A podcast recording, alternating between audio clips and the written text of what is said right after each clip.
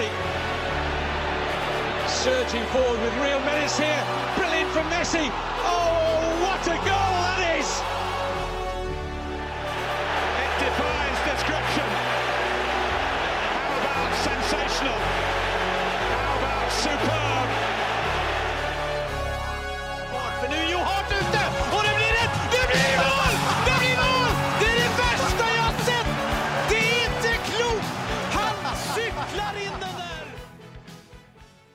Ja da!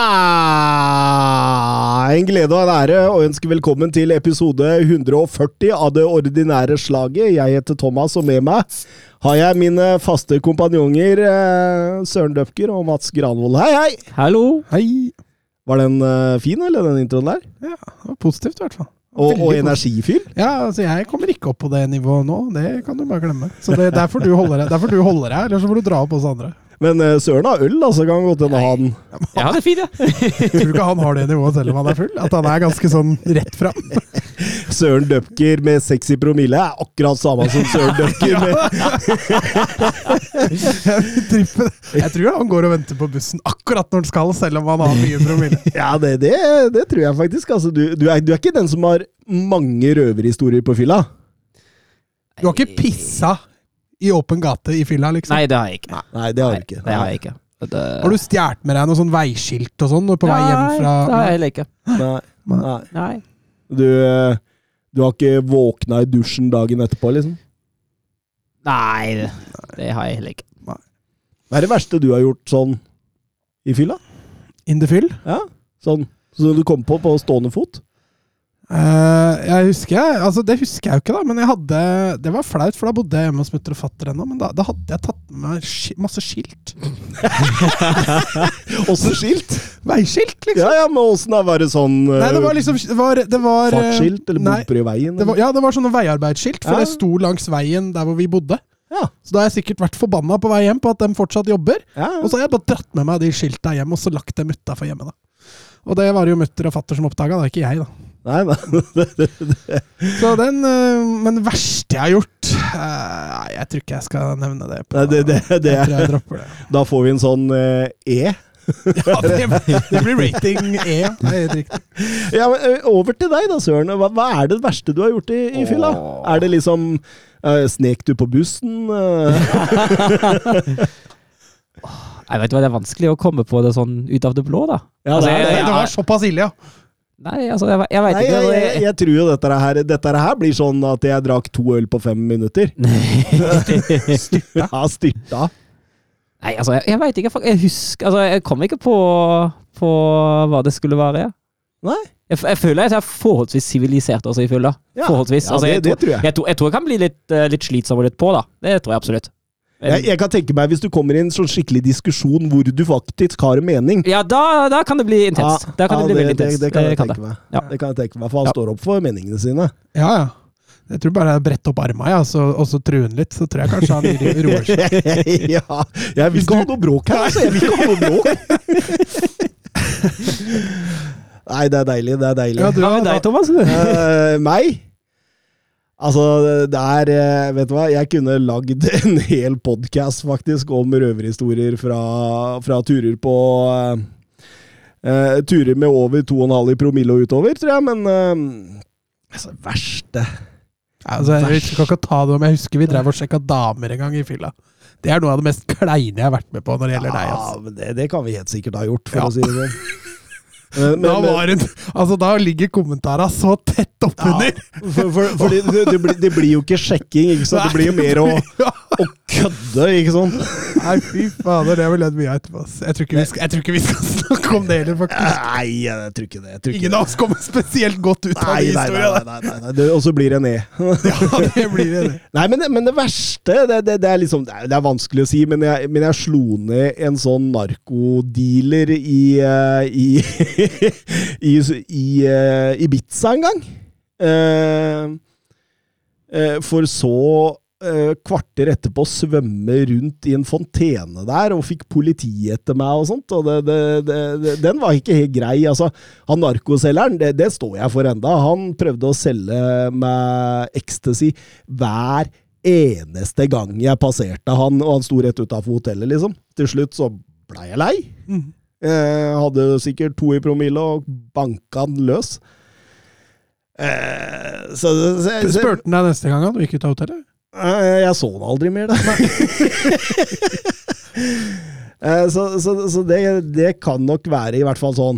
Så jeg tenker kanskje det var det verste. Altså Når politiet løp etter deg i Ibiza altså Du vil ikke sitte i et uh, spansk fengsel. Nei.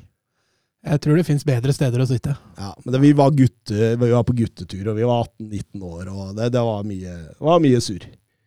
Men jeg står for det. Jeg, jeg eier det, Søren.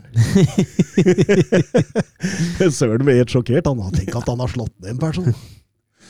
Ja, men eh, sånn blir det. Sånn blir det. Eh, det er sikkert forelda nå uansett, så det Spørs om det, spørs om det er etterlyst av Interpolet. Det er nok ikke sikkert, det. Nei, det tror jeg ikke, for jeg var en tur innom eh, der for å anmelde en sak etter en Hamburg-tur også. Det, så det, Å ja, du var på Interpol for å anmelde, eller på Ibiza? Eh, ja, det var, vi, vi blei en del av en Interpol-etterforskning, men, eh, men, men det, det var ikke vi som var skurkene, da. Vi blei ofre. Men, uh, Ja, i Hamburg, ja. ja, ja. men den skal vi ikke videre, videre Lurer på på hva som er i Hamburg. Nei, det er mye rart. Der er det mye rart. Der er det mye rart. Så uh, jeg, jeg, skal vi rett og slett snakke Ja, det syns jeg! Spora veldig hardt opp. Dere her sporer fullstendig av her. Det, det, jeg, jeg tror, vi, tror vi gjør det.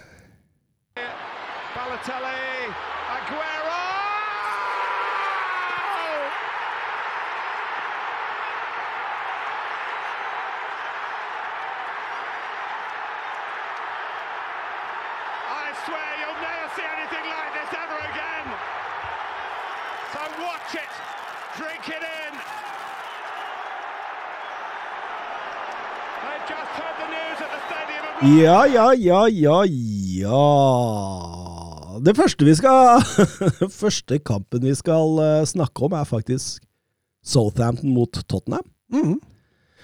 Um, hadde jo ganske stor tro på trepoenger der, men uh, Ja, ble blåst litt av banen den første tida, syns jeg. Altså, Ja, det skjønner jeg. Tottenham som feide Palace av banen i kampen før. Og så gjør jo en del justeringer, da, eh, Conte før den matchen her, men fram til, fram til det røde kortet og straffa, så syns jeg Southampton er det klart beste laget. Og, Tottenham kommer jo knapt over midtbanen. Eh, Gegenpresset til Hasenhüttel det sitter som et skudd, altså. Ja, ikke bare gegenpresset, generelt presset. Jeg syns også presset mot etablert frispilling eh, mot Spurs fungerer veldig veldig bra. Eh, Spurs sliter, som du er inne på, ekstremt med å spille seg ut. De lange ballene som slås, de vinner stort sett Southampton i år. Da blir det van veldig vanskelig.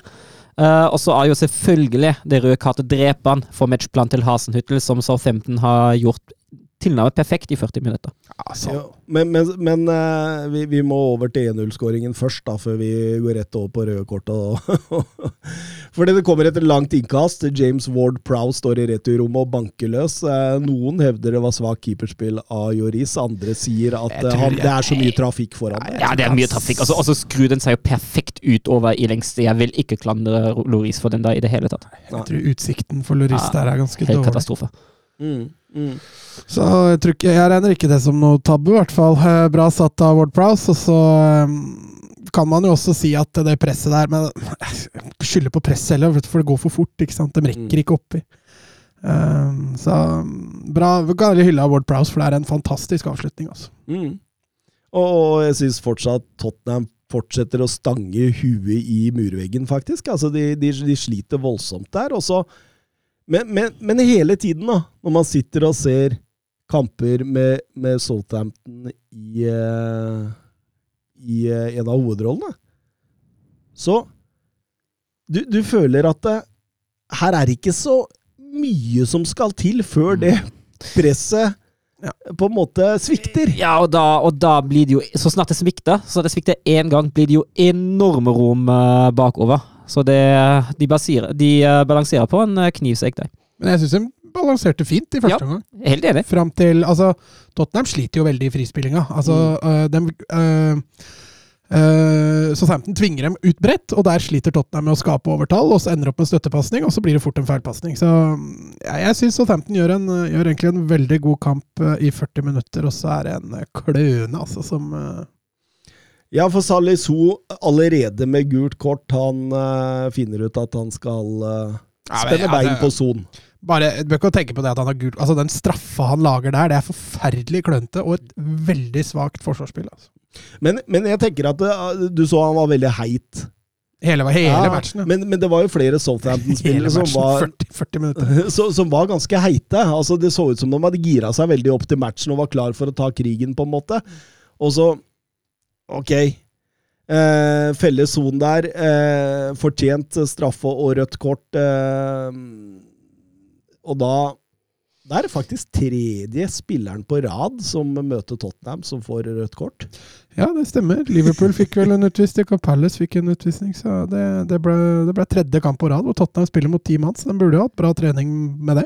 Bør bør det. bør det. Og Kane banker straffesparket sikkert inn, da, selvfølgelig. Det Ja, må vi jo. fint, eh, fint og godt, eh, godt straffespark. Og så må også 15 over i en eh, 4-4-1. Og da går det ikke lenger an å, å presse så høyt uh, som de gjorde tidligere. Jeg syns kampen forandrer helt Ja. fullstendig karakter. altså. Mm. Mm. Det er greit, De siste fem minutta der er litt for tilpasningsdel inn til pause, men eh, i andre omgang der Jeg syns Southampton eh, forandrer mentaliteten sin fullstendig. Forståelig nok, eh, som Søren sier. Du kan ikke presse høyt med en mann mindre det, mot et eh, bra lag. Det går ikke. Men eh, måten de omstiller hodene sine, som du sier, var en heit gjeng som gikk på banen i første omgang, og så greier de faktisk å finne den balansen i andre omgang. Altså. Ja, for de står jo godt, De defensivt. står veldig bra, syns jeg. Eh, Den 4-4-1-systemet, det De er jo ikke vasse på kontringer heller, da, det skal sies. Jeg føler Tottenham har god kontroll. Eh, Men, men i 60-70 minutter så greier heller ikke Tottenham å skape noe sånn voldsomt trykk heller, som man kanskje burde forvente. Så det var vel et bevis på at Tottenham heller ikke hadde helt eh, dagen, og at eh, inngangen til kampen ikke var helt som den skulle. Blei mye mast om på, på Twitter at Kane sitt annullerte 1-2-skåring eh, var onside. Det, er, det, det var så marginalt. Det er fryktelig marginalt. og vi kommer jo til en situasjon etterpå. altså Som Tottenham-supporter det er absolutt lov å føle seg snytt eh, og frustrert i den kampen her, med avgjørelsen som eh, blir marginale, og som kommer ut på, fra Tottenhams perspektiv, eh, feil side der. Jeg syns det er så rart, for den streken begynner med albuen til Kane, og han kan jo ikke skåre med albuen. Så jeg syns den, den er litt rar.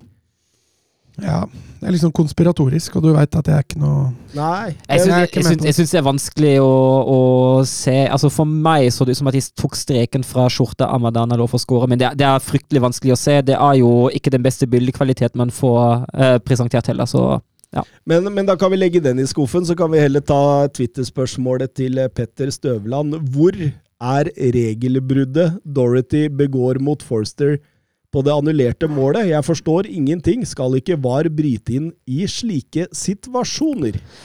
Ja, altså som, som keeper Jeg, jeg ser, sier på ingen måte at dette er klink frispark, for det er det definitivt ikke. Altså Det er ikke noe, ikke noe klink der. Uh, Foster roter jo noe voldsomt uh, i situasjonen før. Jeg tror problemet er rett og slett at han, eh, han hopper inn med ryggen i Foster, dytter ham litt, eh, slik at Foster mister litt balansen uten å treffe ballen. Og da er det nok. Keeperen står i femmeteren, han er såpass beskyttet at det blir frispark i den situasjonen. og ikke VAR-mat. Jeg tror ikke VAR hadde grepet inn hvis, uh, hvis dommeren hadde bestemt seg for å la det gå heller. Jeg føler at den er veldig 50-50, men jeg mener at det kan forsvares. Hva tenker du, Mats? Jeg er enig med Søren. Mm. Men, Eh, men hvor, er, hvor er regelbruddet? At han hopper inn med ryggen? Det er Ja, jo altså, det er jo uh, altså, det er En litt sånn uforsvarlig måte å gå inn i duellen på. da. Du beskytter deg sjøl mot at men- keeperen Det det er, nok, det er nok det at han får, at Men- han, at han får kontakt med Foster og men får alt litt det dere balanse. sier her, er jo lov hvis man gjør det på ordentlig måte. Hvor er regelbruddet her? Det er jo det han Det er måten her. han går inn på. Han, Ja, men- får, han får Foster ut av balanse, han får Foster ut av balanse i femmeteren eh, uten å være borti ballen, og da er det angrep på keeper. Ja, ja. ja jeg, jeg er veldig uenig der, da. Altså, det er, det er, jeg syns jo det, altså du, du, du hopper ja, hadde opp, og du hopper reint opp, og du har ikke, bruker ikke armene eller noen ting, og du Altså, det er, jeg jeg er enig med, med Støvland her. Jeg ser ikke regelbruddet Dorothy eh, Og jeg syns det er dårlig keeperteknisk av Forrester. Jeg syns det er Forrester som skal ta den på sin kappe, rett og slett, og at han blir redda av dommeren. Men hadde, det hadde det blitt mål, så er det jo sånn Jeg tror ikke den hadde gått inn og, og forandra det heller. Nei, nei, så det er en sånn uh, var gjør ingenting-opplegg, fordi det ikke er clear and obvious eh, Mm. noe som helst. Det tenker jeg. Ja, det er mulig. Det er Jeg hadde mulig. heller ikke sittet her og rasla med sablene hvis de hadde blitt mål. Liksom. Nei, ikke heller. Absolutt ikke. Hadde glidd fint forbi det òg. Men Tottenham kjører jo etter hvert her, da, og, og man ser jo kanskje svakheten til Spurs utover i omgangen der. Spill mot etablert. Her har Conte en eh, stor jobb foran seg, vil jeg si. Ja, altså jeg syns han gjør fornuftig når han kaster inn på Mora. da. Det er jo kanskje den spilleren som er best på å skape ubalanse. Eh, Men, men han får det ikke helt til å gli like bra som mot, mot Palace. Og Southampton ligger så tett vet du, at det er litt overraskende kanskje at ikke de går litt oftere på, på, på innlegg og rundt på kant. Mm, Mm. At de vil gjennom midten gang på gang hvor det er som trangest. Det blei ble jo 1-1, dette, og det blei en snakkis eh, om offside-annulleringen til Kane og selvmålet til Forrester eh, rett etter eh, kamp. Og, og Conte eh, ville ikke snakke om det. Han sa kort eh, dommer og VAR er der for å gjøre sitt beste, mer har jeg ikke å si. Det skjønner jeg. Som sagt, ja, altså, det er jo det er selvfølgelig lov som, eh, som Tottenham å føle seg, eh, føle seg snytt når alt det marginale går veldig, veldig imot deg. Å være Absolutt. frisert, det har jeg full forståelse for at man fort kan være etter en sånn kamp. Eh, Conte sier er den første Tottenham-manageren i klubbens historie som går de første sju ligakampene uten tap. Ja, jeg syns han har gjort seg fortjent til terningkast fire. Jeg vet hva han svarte om det, ja? Terningkast fire? Nei, jeg tror ikke han har svart på terningkast fire, men ja, han til at han var den første på um, som um, hadde gått sju kamper uten tap. Han sa eh, det betyr ikke så mye for meg, jeg er her for å vinne. Eh, og vi eh, behøver å forberede, forbedre oss mye. så han er åpenbart ikke fornøyd, selv om det har Nei, det gått kan- ganske brukbart. Altså, Basert på den Southampton-kampen, så kan han jo ikke være det. Altså, Her må han jo se hvor, Tottenham, hvor skoen trykker for Tottenham. da, så... Mm. Han eh, var veldig opptatt av at de må bli flinkere til å kontrollere kampen. Er du enig med ham i det? Ja, det er jeg ser den første gangen mot Southampton. Altså, det er ikke, dette er ikke det eneste laget i, i Premier League som spiller eh, med høyt press. så man må, man må lære seg metoder å løse de kodene også. Eh, kontrollere kampen. Det følte jeg de absolutt gjorde i andre omgang, men det er klart da er det med en annen mer, så kanskje ikke, kanskje ikke det han mener. Men eh, eh, ja, det blir spennende å se åssen fysikken deres også holder nå framover. Nå er de jo det laget som løper mest, og skal i tillegg spille omtrent kamp annenhver dag, så det blir spennende å se om det holder. Skadene Ja. kan fort melde seg. Har ikke rotert sånn voldsomt til. Nei, han hadde vel to eller tre til den matchen her. Ally var vel blant annet inne, og ja, wings. Winks kom jo inn, ja. Eh, Å, fy flaten, en feilpasning til Winks i starten der. Da ble han stressa og skulle rette opp den igjen. Ja, men den, den passingen han har før straffesparket mot sånn, den er, den er Ja, det er klasse, Ja. men den, eh, når, når jeg tenker på eh, Det var vel før 1-0, Ja, ja. hvor han dribler seg hjemover og mister ball. Ja. Og så jobber han desperat Ja. for å komme seg inn, og så er det jo han som klarer det, da. Men eh, Eh, sa på pressekonferansen at uh, Wink skal ingen steder. Det er en mann jeg stoler på. Ja, det, det ser man jo. Altså, han får jo han får mer tillit nå, og han ser jo Altså, jeg syns jo den kampen mot Southampton Det var litt lys og skygge, men han hadde jo den, den annullerte skåringen til Kane. Det var også Wink som slo den pasningen der, så han har jo absolutt ting å bidra med. Jeg tror Wings er bedre offensivt enn defensivt i den toeren på midten. Eh, så får vi se når Skip og Høibjerg uh, Mm. er friske. Det får vi gjøre. Vi går over til Leicester Liverpool, og med seks i hatten mot Manchester City hadde nok Brennan Rodgers hatt dårlig tid på treningsfeltet, eller på spillemøtene kan det vel være, for det er vel mye restitusjon og lite trening, tror jeg, for tida.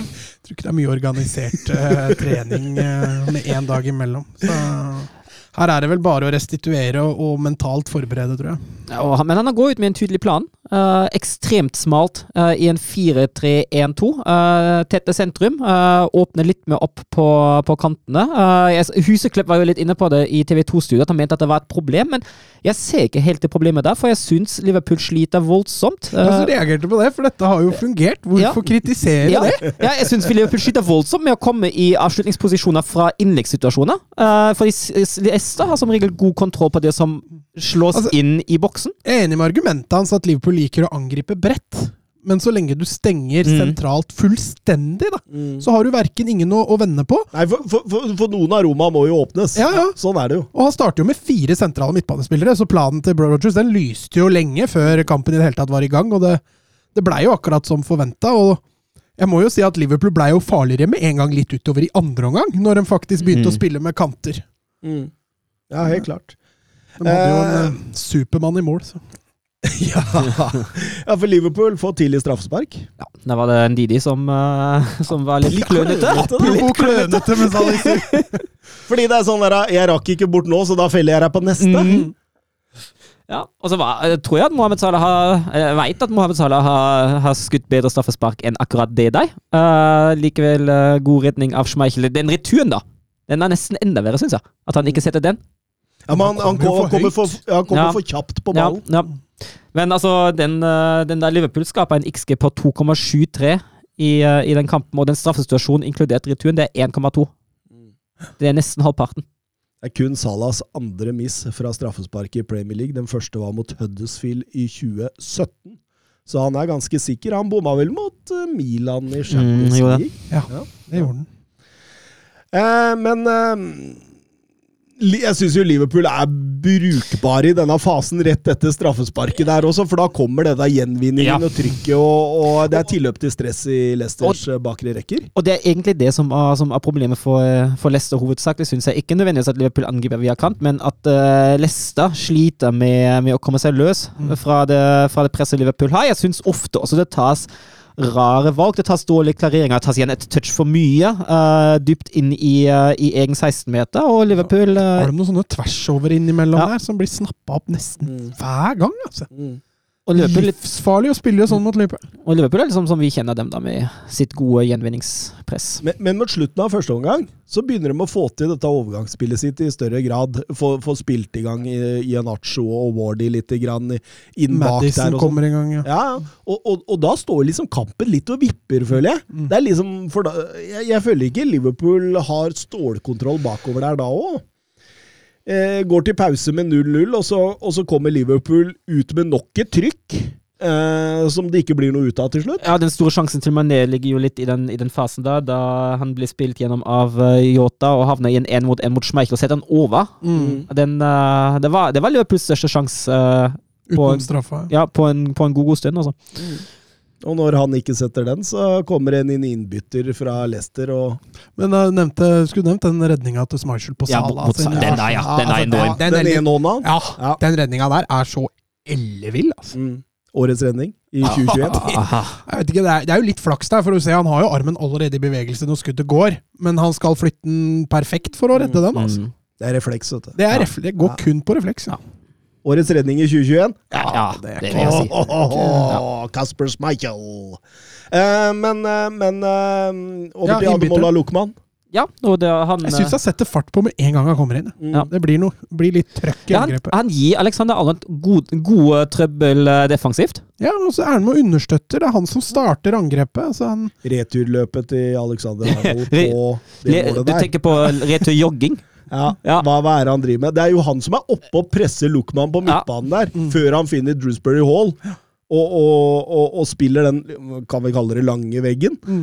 En og bare fosser inn der. Og, og du ser Trent Alexander Arnold, han jogger etter eh, Lukman, og da setter han jo på en måte Matip eh, Lukman i en én-mot-én-situasjon inn i Og Matip er livredd for å lage straffespark, ser du. ja, ja. Og så åpner jo Alison opp hjørnet sitt, da. Det er jo ikke patent keeperspill heller, men eh, uten at vi skal klandre Alison for mye, så, så er det faktisk det eneste stedet Lookman kan sette den, fordi Matip blokker det lengste.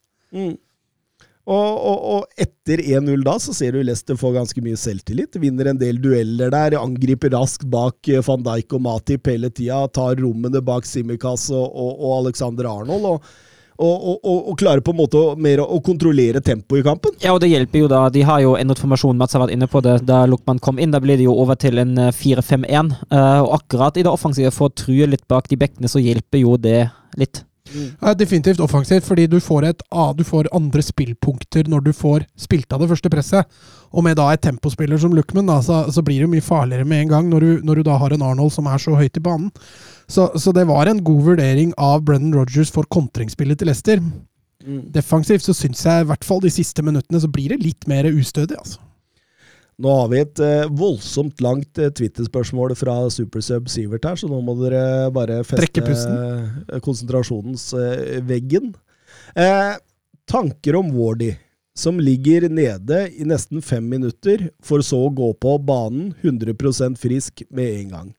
Rart det ikke finnes noen regler imot dette. Ligger man nede i mer enn ett til to minutter med en ekte skade, er man for skada til å fortsette en fotballkamp, synes jeg. Hva tenker dere? Ekstra irriterende med tanke på at det kun blir lagt til fem minutter, og dommeren blåser noen sekunder før. Ja, irritasjon er jo veldig forståelig. Da tenker jeg det er, det er fryktelig irriterende når sånt skjer. Og det har jo alle fotballsupportere vært gjennom det da med, med Er ikke, er ikke det blitt bare mer og mer vanlig? Jo. At spillere ja, det syns jeg. spekulerer i dette? Det syns jeg, og jeg, synes, jeg er helt enig at det er en uting. Eh, Jeg ser en utfordring med den regelen, og det Ja. er at spillere eh, går da bevisst på, på lagets beste spiller uten å være stykk, men for å holde ham nede med en småskade i to-tre minutter, eh, og så må han da av pga. En, en sånn regel. Jeg har, jeg, men, men altså, det er mer utfordringer enn det med en sånn regel, tror jeg. jo, det er Eh. Da må dommeren stå med stoppeklokke Ja, og passe på at eh, han ligger eh, To minutter, du må bytte! Men altså, det, jeg har jo, jeg har jo nevnt, det- nevnt det før for en stund siden. Jeg er tilhenger av å innføre en effektiv spilletid. Eh, at man sier at Ja, sånn fotball- håndball, Ja. Fotball, fotball er to ganger 30 minutter, eh, og så snart det, det, er, det er stopp i spillet, så stopper man klokka, og så fortsetter man når, eh, når, kampen, når kampen er i gang Og igjen. Da blir vi kvitt det. Det blir vi veldig fort kvitt. Å ja. Ja, men jeg, jeg, jeg er uenig i det. da. Jeg syns ikke man skal rokke så mye med fotballen og, og reglene som er der. Ja, men Hvordan skal vi få bli kvitt kynismen, da? Dommere tar det. Ja, og de skal man- legger, legger til såpass mye som må til. da.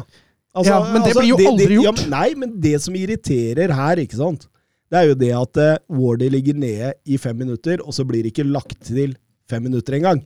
Det er det som irriterer her. Mm. Men la oss si at dommeren da legger til ti minutter her da, i denne kampen her. Så, så, så er det jo for så vidt greit. Ja. Det er ingen som klager. Og hvis det hadde vært en løsning som ble gjort, så hadde det helt greit for meg. Ja, og det er det jeg mener. Ja. Dommerne må ta det, føler jeg. ja, det er også helt greit. Men de, de, de, Men, gjør, men det de, de gjør de lønner seg jo å gjøre det, Ja, de, for lag som Ja, og du, du, ser, du ser spillere altså liksom, hvis, du, hvis du blir veldig satt under hardt press, da, og du på en måte har et resultat du skal ri, ri av Så for å dra ned tempoet i kampen, så plutselig blir man liggende ned en to-tre minutter Mm. der og to-tre minutter der. og Det, det, det er eh, kjempeirriterende, det, for all del. Og det, det ødelegger rytmen. altså, ja, rytmen til eh, det angrepende laget. Ja. Så, så, så, så, så det fins helt klart eh, negative ting med det. Ja, ja. Kynismen lenge leve. mm.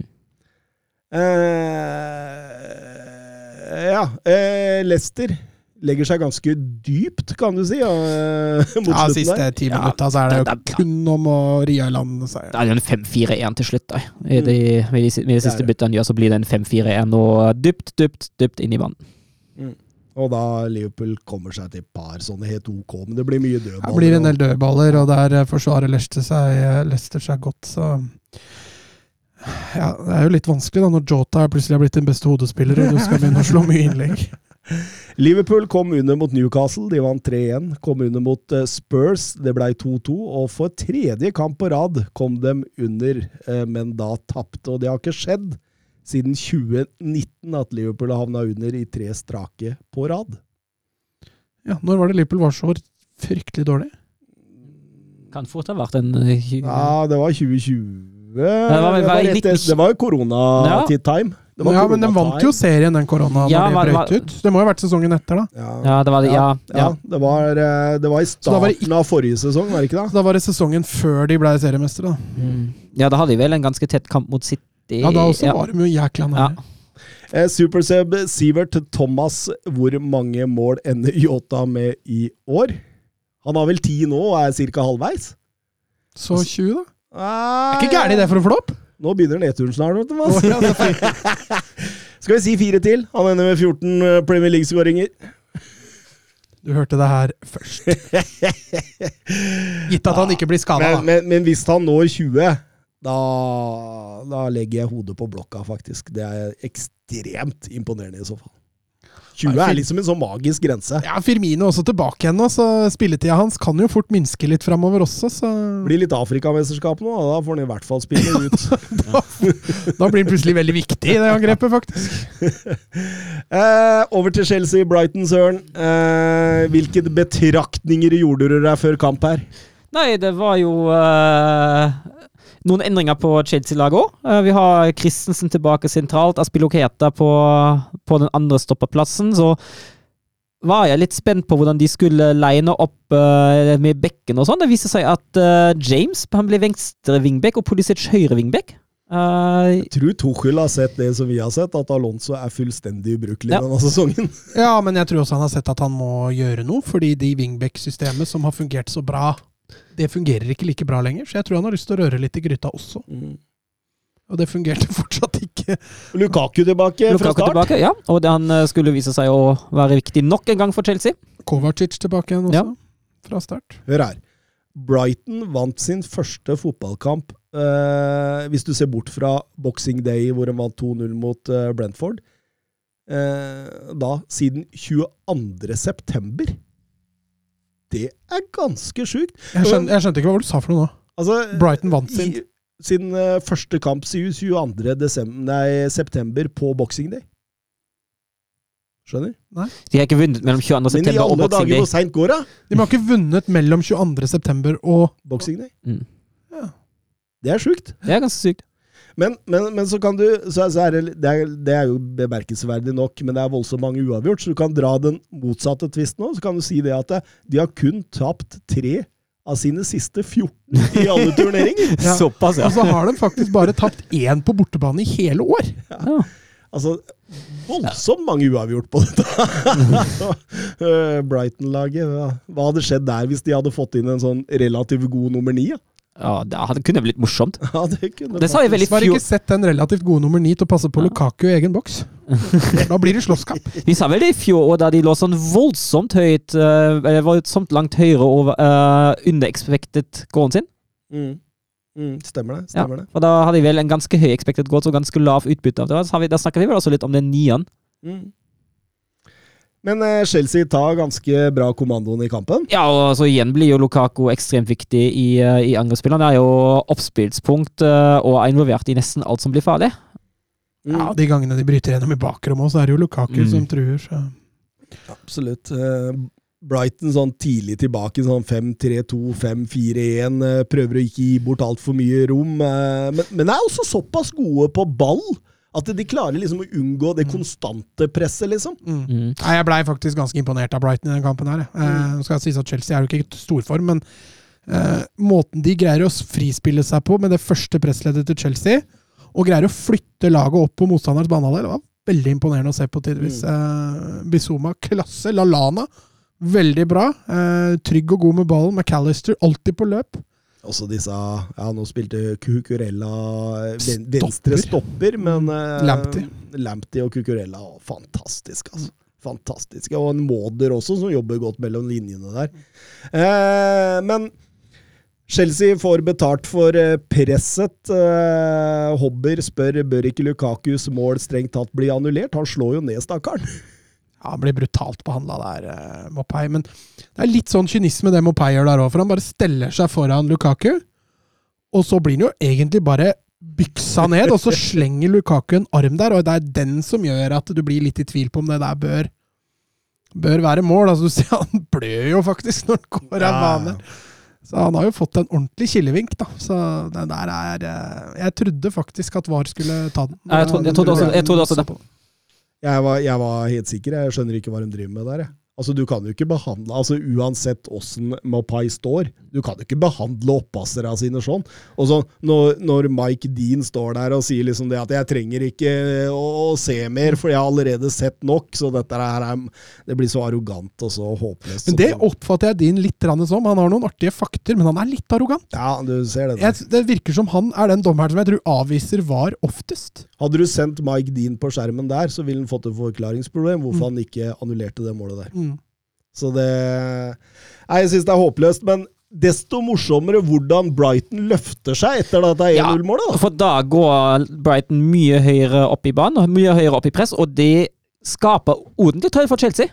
Hjelper at de må bytte inn Alonso der òg, da. Mm, ja. Du mister, mister plutselig et angrepsvåpen. Ja, absolutt. Lam Lamptey kan slippe seg litt mer løs. og den annenomgangen Brighton leverer, den er imponerende. Ja, det var det, er, det, er, det er klasse, rett og slett. Og du ser, både Mopai, Bizuma, McAllister og Lalana har gode sjanser, egentlig. Og Chelsea henger rett og slett i stroppene. Altså, de ser litt kjørt ut. Mm. Og og den blir bare rulla over. Og, Og Tuchel prøver jo. Um, han tar jo hensyn med Kanté. Ja, og da syns jeg det blir bedre. For da stabiliserer han, stabiliserer han midtbanen, og Brighton klarer ikke like ofte å utfordre siste, siste forsvarsleddet til Chelsea. Eh, Så fra, fra da han bytta inn det er vel halvveis i andre omgang eh, da syns jeg egentlig Chelsea har OK kontroll på kampen igjen, og klarer å holde Brighton unna eget mål. Du ser at vet du, han, han eh, klarer på en måte å gjøre sånn at det ikke blir like stort strekk i laget. Mm. Altså Han dekker mer rom, og, det, og på en måte får samla troppene litt igjen. Da. Han, han altså Han, han, han, han tetter romma Ja. mellom ja, Overalt. Ja, overalt. han tetter alle ja, rom. Helt, helt sinnssyk, egentlig. Og, og, det må jo være fantastisk å kunne hive på en sånn person i en sånn kamp som dette, selvfølgelig, hvor du virkelig slet. Eh, eh, Brighton der som han gikk jo vel over til en 4-3-3 etter hvert der, gjorde de ikke det? Og, bare, og da var Cucurella venstreback. Mm. Og bare høvla over, altså. Det, det var, og, og så selvsikre på ball! Mm. Det er eh, voldsomt imponerende. og Altså, Jeg har ikke noe forhold til noen av lagene, jeg, altså, men jeg jubla når Welbeck satte 1-1 der. Jeg synes det var Nei, men du har, Det litt var forhold til, du har litt forhold til Welbeck, vet du. Ja, ikke sant? Ikke Det sant? er, det er fullt fortjent at Brighton utligner deg. Det er fullt fortjent at de får med seg, får med seg poeng i den kampen. Det hadde vært, hadde vært litt synd uh, for en uh, sånn tappert kjempende outsider hvis man skulle gå uten, uh, uten poeng fra den kampen der. Som regel på Stamford Bridge eller Anfield så går du uten poeng.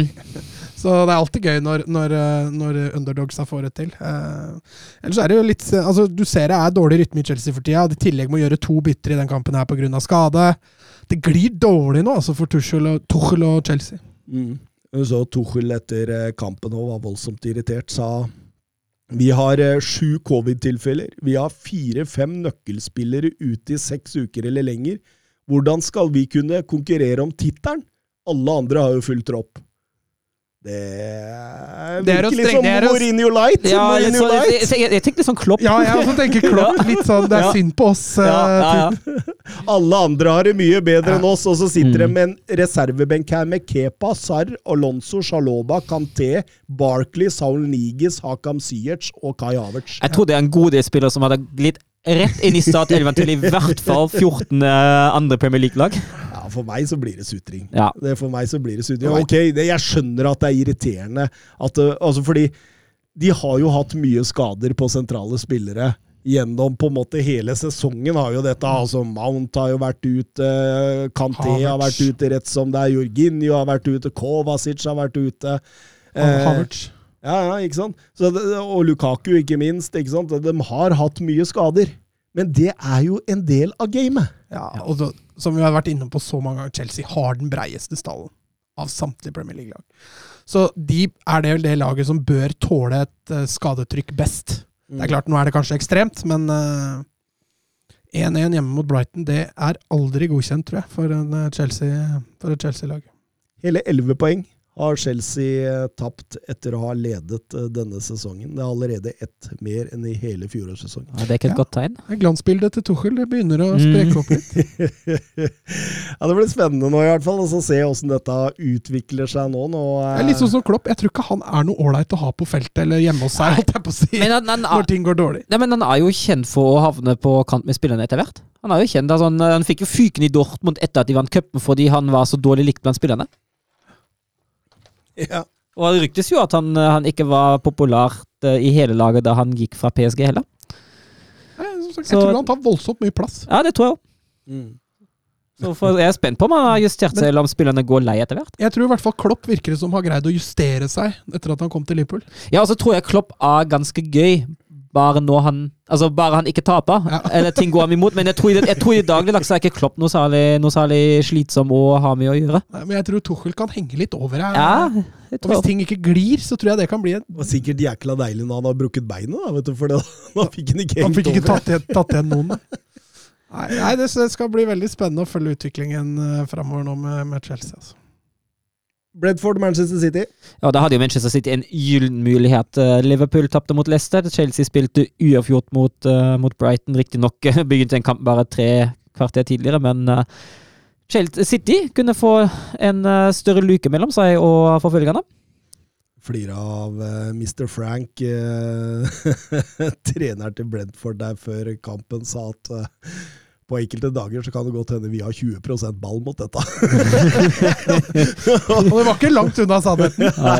og og da, da skjønner du åssen tilnærminga var òg. Ja, men jeg, jeg syns jo de prøver å variere presshøyden i enkelte situasjoner. Uh, ja, de står, står dypt og kontrollert i store deler av kampen, uh, men når de lukter en mulighet, så går de på og presser litt, og det setter også City litt ute etter sånn ti, eh, ti minutter ish. Da er det noen sjanser som eh, Brentford får ved å vinne ballen høyt oppe i banen. Det er litt sånn her, det var liksom, Nå hadde vel Brentford voldsomt mannefall, men stemninga på tribunen Mm. eh, Du så det var trøkk i spillere fra starten av. Det var noe de gutsa på. så Det kunne liksom bli en litt sånn magisk aften der. Tony som var akkurat i sitt ess og irriterte alle der framme. Men uh, Flomlys og fullt trøkk på den intime stadion. ja, ja, det kunne blitt en magisk uh, Det lå liksom litt til rette for det, men uh, City er for gode, altså. De er det. Ja, altså, du, du ser jo forskjellen der, da, for Cancelo redder jo på streken Ja. der, og de har et par, eh, par gode sjanser der, og så går City rett opp og setter 0-1. Og det er jo, det er jo mønsterangrep til deg. Uh, alt fra ja, vel Jesus som spiller, spiller 1-2 med De Bruyne, uh, og De Bruyne som slår Den avslutninga til Foden, denne one-touch-avslutninga kontrollert i nederste hjørne, det er, det er herlig. Ja, flott, flott. Jeg tror det var Cancelo, faktisk. Ja, Cancelo. Mm.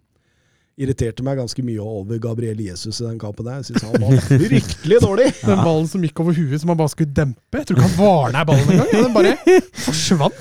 Ja, det, det er sjelden jeg har sett den så dårlig, og jeg veit jo hva Søren mener om den. Så Nei, men altså, jeg, jeg syns jo jeg, syns. Nei, jeg gjør ikke det. Som, jeg syns jo som høyrekant har han vært bedre enn som spiss. Jeg syns han har fungert fint som en sånn uh, Som en høyrekantspiller i Guardiolas system så langt denne sesongen. Jeg syns bare han er ineffektiv foran mål. mm, mm. Blir litt småampert mot slutten av første omgang der. Ja, Fernandinho og Tony har vel en, uh, en privat feil. Det er smått utrolig at begge to kommer fra det uten et gullkort. Jeg syns begge to er kyllinger. Så dere Fernandinho når han Ja, ja, ja. eh, får den dulten? Det ser ut som en Jordi Alba light. Altså. Ja, Man tråkker den på foten. Ja, Tony, ja. Ja, I den første duellen. Ja. Men den andre duellen, ja ok, ja, der, ja. ja. når Tony kommer flyvende inn der og skal ta igjen, liksom Han er jo knapt nok borti den, liksom. Og så bare hiver han seg rundt. Og da har han stått for to minutter siden og kjefta på Tony fordi han la seg lett. Og da tenker jeg åh, Men hva tenker du om stemplinga hans da, der? Den, På Tony? eh, Tony som stempler eh, Fernandinho rett etterpå der. Ja, det var den jeg snakker om. Ja, det er det du snakker om. Det, den er jo ikke fin. Nei, den er Nei, han gjør det jo med vilje. Ja, Men se hvor vondt han får, da. ja, ja. Og det, det er rett på leggebeskytteren nå. Og det er samme med Tony i andre enden. Mm. Han blir jo, han blir jo Ja. på, det gjør sikkert kjempevondt, men han kaster seg ned som en sånn derre Drama Queens, Ja. tenker du? Drama queens. Ja, og her er det om å gjøre å lure dommeren til å f- gi motspillere gult kort. Det er kun det det handler om. Ja, men jeg syns begge to hadde fortjent gule kort for sine, for sine aksjoner, da. Ja, for det er usportslig. Ja, jeg syns det, jeg syns det. det der. Jeg syns det. Men uh, må si jeg er imponert over Brentford om hvordan de løste dette her. Også, fordi det er veldig, veldig morsomt hvordan de gradvis flytter laget opp i press, og til slutt vinner.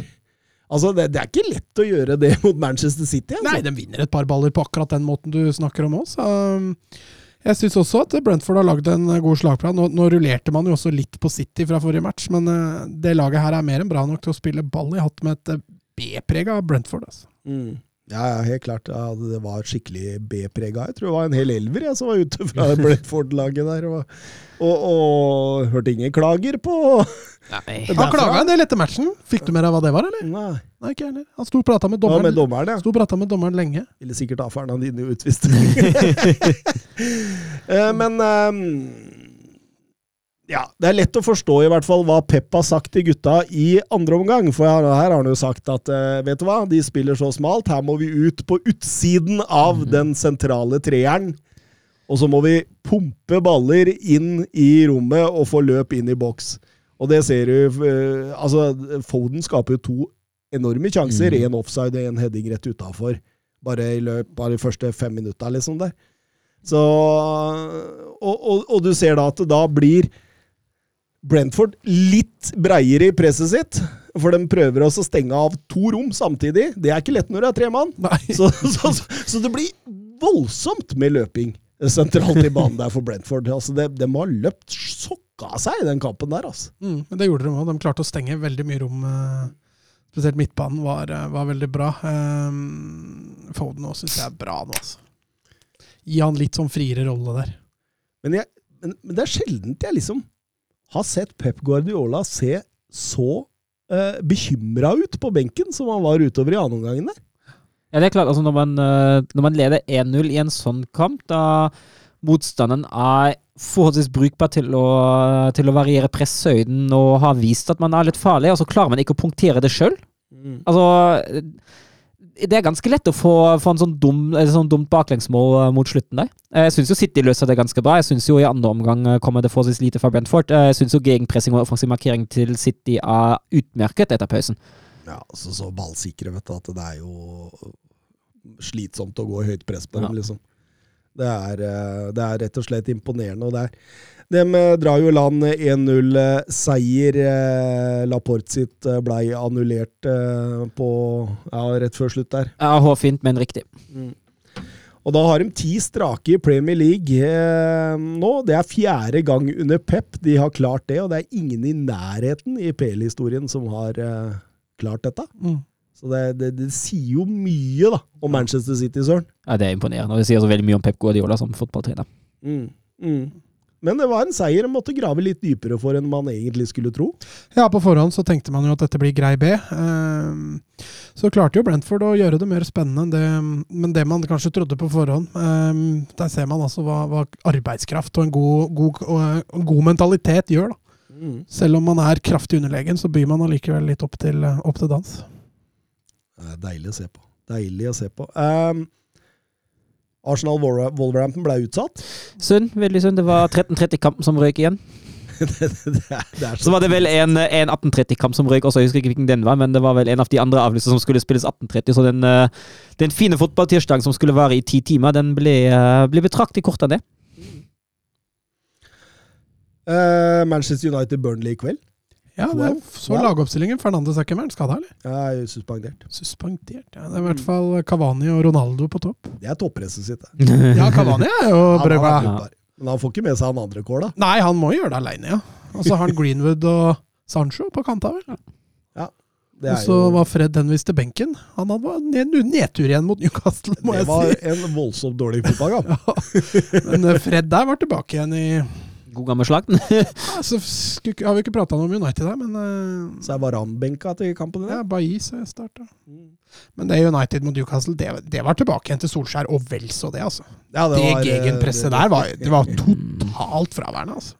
Ja, og uh, forsvarsfeila florerte. Ja, og Fred han, han spilte jo nesten for Newcastle. Han, eh, eh, OJ Haaland på Twitter, hva legger dere i rapportene fra Cabrington? Og, og de rapportene de tilsier jo egentlig at eh, Ragnhild allerede har mista litt av garderoben, sånn hvis du skal trekke de store linjene. Det, er- og det er jo helt sykt. Du nevnte det jo i, i chatten vår i går. Jeg syns, det er helt sykt. Altså, hva, hva, hva, hva, hva er det de spillerne der driver med? Altså, Får man en fotballtrener som krever litt mer? Jeg tror, de, jeg tror Ragnhild krever litt mer enn Solskjær. Jeg tror Ragnhild krever særlig mer jobbing enn Solskjær, og jeg har en viss mistanke om hvilke spillere som står bak deg. Jeg har en, jeg har en altså, jeg ikke noe United insider, eller jeg kjenner den troppen noe, noe bedre enn andre, andre tropper, men jeg har en viss mistanke om uh, hvilke høye herrer som uh, mener at dette er for krevende. Ja, vel også om at man trente litt for lenge, og det tok for mye fritid, og bla, bla, bla. Altså, unnskyld meg, du tjener millionvis av pund i året.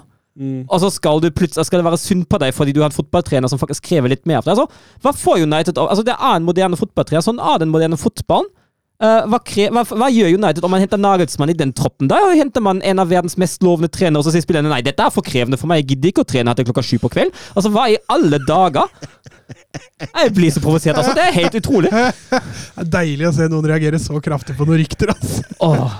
Ja, for det, det, altså, vi veit jo ikke hvor mye det ligger Nei da, i disse rapportene. Men, altså, vi, men det, det verste er at jeg kan se for meg at det stemmer. Ja, altså jo, det, det kan Altså, det, det som blir sagt, da, det er at eh, spillerne sliter med å tilvenne seg Ragnhilds treningsmetoder og system. De har vært meget misfornøyde med at han har tatt bort morgentreningen for å erstatte den med en ettermiddagstrening, og det var flere av spillerne som som ikke kom hjem før godt over klokken 17.00. da, Oi. Oi, så synd på dem.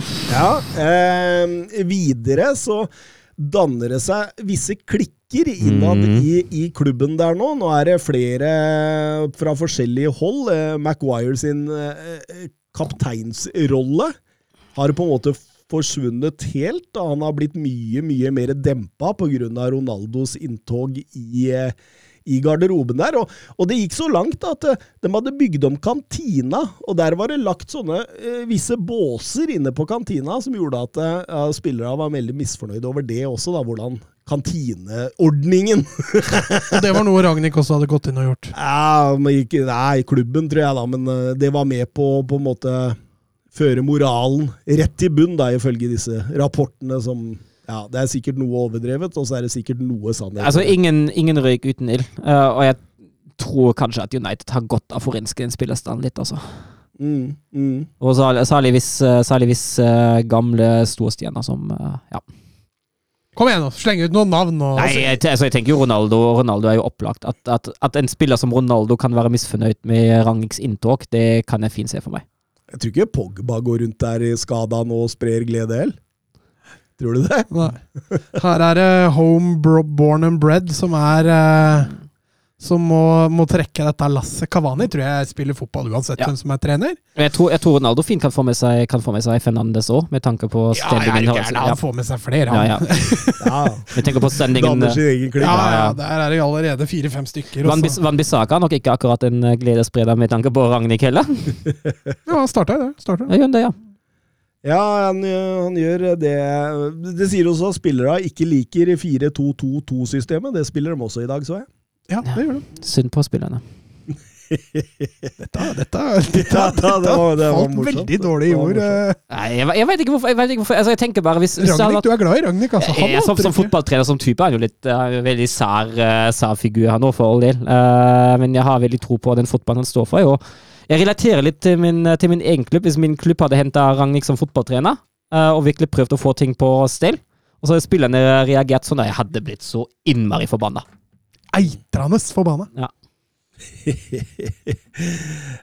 um, altså, altså tenker jeg, altså, hvordan, Hva er veien videre? Altså, som sagt, altså, hvem, Hvilken trener vil, eh, vil United-troppen ha da? En som uh, altså, Jeg tror de var glad i Solskjær. Ja, han, jeg tror ikke Solskjær stilte de høyeste kravene. Nei, men jeg tror han stilte United-krav, og det tror jeg det var med flere som Altså, Ragnhild kommer utenfra og har sine egne mm -hmm. krav. Og det tror jeg klubben trenger. Ikke inn, ja, det kan, det kan jeg godt være enig med deg, men det passer ikke inn med, med det de har jobba med. Jørgen B. Reddy spør på Twitter eh, hvor mye av det påståtte utenomsportslige det tror dere Ronaldo har skylden i. Kan det være det dummeste United har gjort i nyere tid å hente den? Kan ikke søren få svare på. Og våger dere med tips om Burnley-kampen til i kveld? Godt nyttår, boys! Få inn Peter Clay som gjest igjen, da. Clay? Da var ikke jeg her. Nei, ikke jeg heller. Stemmer det. stemmer det. Det var, det var veldig hyggelig å ha Clay her. Ja. Veldig, veldig Altså, for en kunnskapsrik fyr. Men ikke her. Det var Nei, det var jo i Hare mottaksstudio. Ja. Eh, men eh, for en kunnskapsrik fyr. Mm. Altså, det, altså, du kan Og, og eh, han, han, har så mye kunnskap at du liksom kan lukke øynene og bare høre til Clay. liksom. Når ja. Clay prata. Han, han, er rett og slett en herlig, herlig fyr med mye, mye kunnskap innenbords. Jeg syns også det er konge når han, når han kommenterer, så det har vært, uh, har vært hyggelig å få han med. Ja, ja, ja. Det, det, det, det må vi få gjøre. Han eh, kosa seg sikkert i harde mottaksstudio. Det var vel den der episoden vi holdt på til langt ut på natt fordi det var noe gærent med strømmen der inne. Men eh, her inne har det ikke vært et problem med strømmen. her har det gått fint. Ja, ja. Ehm, men eh, spørsmålet, da. er Hvor mye av det utenomsportslige tror vi Ronaldo har? Eh? Nei, jeg tror altså, hvis, hvis, hvis, vi antar at de ryktene da stemmer, jeg tror jeg han spiller en stor rolle i akkurat de, biten, de bitene der. Jeg tror ikke at Ronaldo på sine, på sine gamle dager har blitt eh, verdens mest tilpasningsdyktige fyr. Og jeg tror også Ronaldo, med tanke på statusen han sjøl mener han har, er fint i stand til å, til å lage ugagn for alle som, som, prøver å komme med endringer som ikke passer ham. Mm, mm, mm. Kan være enig i det. Eh, kan det ha vært det dummeste United har gjort i nyere tid, å hente den? United har gjort mye dumt i nyere tid. ja, altså, det er veldig vanskelig å svare. Altså, jeg vet ikke hvor mange poeng han har gitt United i år i Champions League. Nei, altså, altså, det har jo vært en del. Altså, hvis du ser kun sportslig på det, så, så har han jo bidratt, syns jeg. Men eh, hvis, du, hvis, hvis, mye av disse ryktene faktisk stemmer, da, at det er Ronaldo som på en måte er roten til opptøyene her, så Han står vel med um 19 kamper, 13 mål og to målgivende for United i alle turneringene. Ja, Totalt sett, ja. Men han har eh, Jeg tror han bare har eh, et halvt mål i snitt i Premier League. Ja, sju, sju mål og to assist i Premier League, og seks mål i fem kamper i Champions League. Men, eh, men Supersub spør også her. Han, han gjør jo jobben sin. Han skårer jo målene. Eh, Blir det forsvart om Ronaldo? Men i Premier League har han ikke voldsomt mange mål. Terningkast på overgangen. Nei, det er jo, det er jo noe med det, da. Altså, jeg tenker jo altså Hvis United hadde henta en middelmådig spiss som sto med 14 mål på, eh, 7 mål på 14 kamper, hadde man vel sagt at det er helt greit. Men med tanke på hvem det er man har henta, hadde, man, eh, hadde man vel kanskje håpa på mer. Og de pundsedlene som går rett i lomma Ja, hans. Og så er jo neste problem at den Ronaldo-overgangen den blokkerte jo også aktivt for en ny sentral midtbanespiller. Uh, det, kom, det spiller jo inn i regningen. Og altså, jeg, jeg satt jo og hadde tro på at Ronaldo kunne fungere uh, i eh, United. Jeg vil si at det har han ikke gjort etter forventninger, så ja, på en, på en to til tre terningkast. Og nå står Ragnhild med en spiss han må bruke, som ikke passer inn i måten Mm. han har lyst til å spille fotball på. Men de visste, altså, til Uniteds forsvar, de visste ikke United at de henta Nei, nei, nei. nei, nei. Eh, og Men, til, men, men det kan ikke Ragnhild bruke sitt forsvar, for han visste at Ronaldo spilte der når han tok over laget. eh, men eh, ja, en treer kan jeg vel gi den. Han har jo skåret litt mål. Ja, Eh, jeg synes, altså Hvis jeg kan konte en firer Ronaldo ned på to, da? Én? ja, du, du må, du må Må holde linja her. Nei, jeg gir også en Strenge Mats. Ja, jeg gir også en treer. Altså, det er kun fordi han har skåret mål og vært, vært avgjørende i, i flere matcher. Eh, men så må også huske på at United produserer jo langt ifra like mye Mm. som det han fikk servert i Juventus, Real Madrid. Altså, hvor mange tap-in-goals, straffer, skårte ikke han der? Det har han ikke fått i like stor grad i United, så her må han jobbe mer for målet. Altså. Mm. Og, og se hva som har skjedd med Bruno Fernandes etter Ronaldo. Ja, han ser jo bare etter Ronaldo. Ronaldo, Ronaldo, Han er stormforelska. Eh, det blir spennende å se. Jo, eh, ville også at vi skulle tippe resultatet til kampen i kveld. De vinner 1-0, United. Over Burnley. Mm. Jeg hadde rett jeg med 1-1 mot Newcastle nå sist. Jeg sa jo det sånn etter sending til dere. Ja, jeg fikk rett i antall skåringer. Ja, for du tippa 2-0 til United. Ja. Tipper du 2-0 nå, eller? Ja, jeg kan gjøre Søren tok 1-0, så tar jeg 2. Ja. Jeg, jeg, jeg ser ikke at Burnley klarer dette her, altså. Jeg gjør ikke det. Jeg gjør ikke det. 1-0 eller 2-0. Jeg, jeg, jeg slenger meg på 1-0. Jeg gjør det. Um, Bernt Olav Gjellegjerde Hansen, eh, noen år, ord om Chris Wilders jobb i Middlesbrough? De ligger vel på femte eller noe sånt. De ligger på kvalik. Ja, Det er kult, det er kul topp nå i, i championship. Veldig kul. Eh, han var no, de var nummer 14 da han tok over, dem over. Mm. Og eh, han har tatt 17 av 24 mulige poeng. Har tatt dem opp til femteplass. Kun seks poeng bak Fulham og Blackburn, og sju fra Direkte Bournemouth. Ja. Det Det er sterkt, altså. Altså, nå har ikke jeg sett noe Middlesbrough, så jeg har ingen eh, Ingen eh, Hva skal jeg si Ingen Jeg kan, jeg kan ikke melde noe. Jeg har sett litt annen- Middlesbrough. Ja. Eh, og det, det, det, han kjører jo det samme systemet som i, Det er i overlapp, Sheffield United. overlappende Ja, ja. stoppere. Ja, ja, ja. Og, og det som er morsomt, det er at eh, jeg tror det er på Viaplay han kommer til å gå med Sheffield United eh, mot Middlesbrough første nyttårsdag. All right. Det kan bli et oppgjør som er litt verdt å få med seg, altså. Ah. Sander Berge og gamleklubben til Wilder. Ja, skal han eh, tilbake dit. eh, Men han gjør jo en kjempejobb her. Han har jo langt ifra Championships beste stall her. Altså Vi snakker Paddy McNair, Duncan Watmore og Jonathan Hobson, for å nevne noen. Altså Stjernespilleren, da, det er jo Sporting Lisboas innleide Andras Sporar. Han har eh, vært bra. Han skåret tre mål på tre kamper nå, så brukbart. Men det, det sier jo litt hva han har å jobbe med her. og Det er litt sånn finne gulla gråsteinen-fyr. Altså Når du får Paddy McNair til å virke god, da, Da har du gjort en god da jobb. har du gjort en god jobb. altså. Åpenbart at han uh, Blackburn vant det. Nå er de rett bak uh, direkte opprykk. Ja, ja, de ligger likt med, med Fulham på andreplassen. Ja, ja. Rett bak, sier jeg. Ja, ja, ja. Du sitter jo rett eh, foran et eh, Blackburn Rover-skjerf der og gliser. Tenk om de hadde rykka opp igjen. Det var gøy! Det hadde vært gøy. det vært Da måtte vi nesten følge dem i, i Premier League litt. Ewood, Ewood Park skal begynne å poste Premier League-fotball. Tenk det, ja. Tenk det.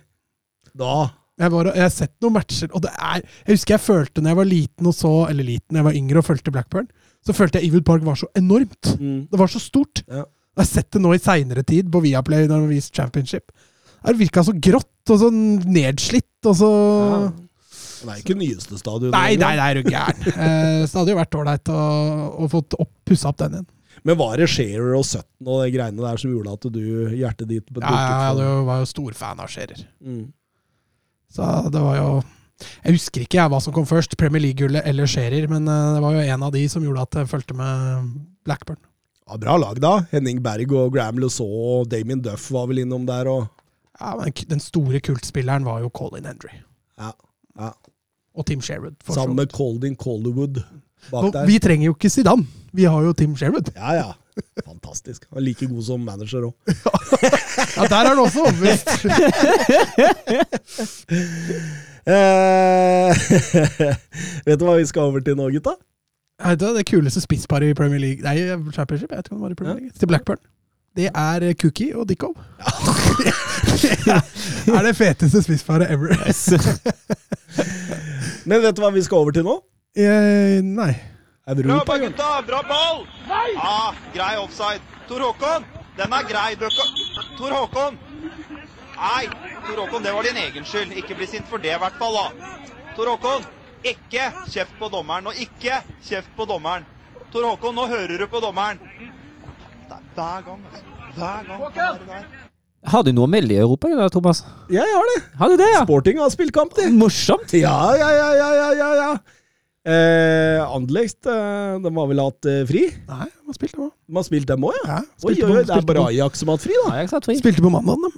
Oi, oi, oi, oi, oi. Skal du begynne, eller jeg? Ja, jeg kan godt begynne. Eh, jeg trodde ikke jeg skulle prate om den kampen, så det er faktisk bare uh, Ja, så det, tur dette, dette at jeg fikk den med dette meg. må Men du eh, ta på sparken. Uh, den blei jo spilt eh, utenom Premier League-tid. Og Det var jo derfor jeg fikk den med meg. Ja. Men det blei fullstendig grus av Bearshot. De vant 0-7. Skal det sies at Bearshot fikk et fryktelig ikke klønete, det var grisetakling på, på, uh, før første gang var ferdig der, og spiller derfor med med én mann mer, men på det tidspunktet leder allerede Anderlecht 3-0. og Det blei en voldsom transportetappe. Jari Versaren spilte en fantastisk fotballkamp. To assist, to skåringer. Eh, Benito Raman, to mål. Eh, Sirksi skåra. Altså her eh, var det mange som kom seg på. Så en veldig godt gjennomført kamp av Anderlecht, som, som plutselig er nå helt oppe i ryggen på Brygge igjen. Og, Oi, oi, oi, og har fått en liten luke ned til femteplassen, som gjør at denne topp fire, som er så viktig, det, det er nå veldig innafor rekkevidde. Det er klart det er fortsatt et par kamper igjen, men det ser bra ut nå for Anderlecht. Den kampen her er vel det beste jeg har sett av dem, selv om de spiller mot ti mann i store deler. Og Vincent Company, han koser seg. Ja, Her hadde han en enkel dag på jobb. altså. Dem, det glei fra første stund, og, og når de i tillegg blir spiller med en mann mer, så da blei det, ble det lekestue. Ja. ja det er gøy å se også. Det er ikke så ofte du ser det, for du ser ofte lag når de får, blir så overlegne, 3-4-5-0, og kanskje spiller med én mann mer, Mm. så begynner man å dava, man sparer, bare triller sidelengs. Anderlecht gønna liksom litt på. Fikk seks, fikk sju. Deilig, deilig. Helt oppi eh, Det er noe annet enn eh, fjorårssesongen, Mats. Ja, ja.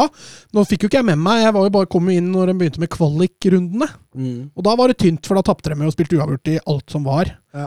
Eh, Men de siste månedene så har det begynt å se mye hvassere ut. Versaren har plutselig blitt veldig fast igjen, så han er jo veldig gøy å se på. Det er vel bare et tidsspørsmål før han finner seg en større og bedre liga.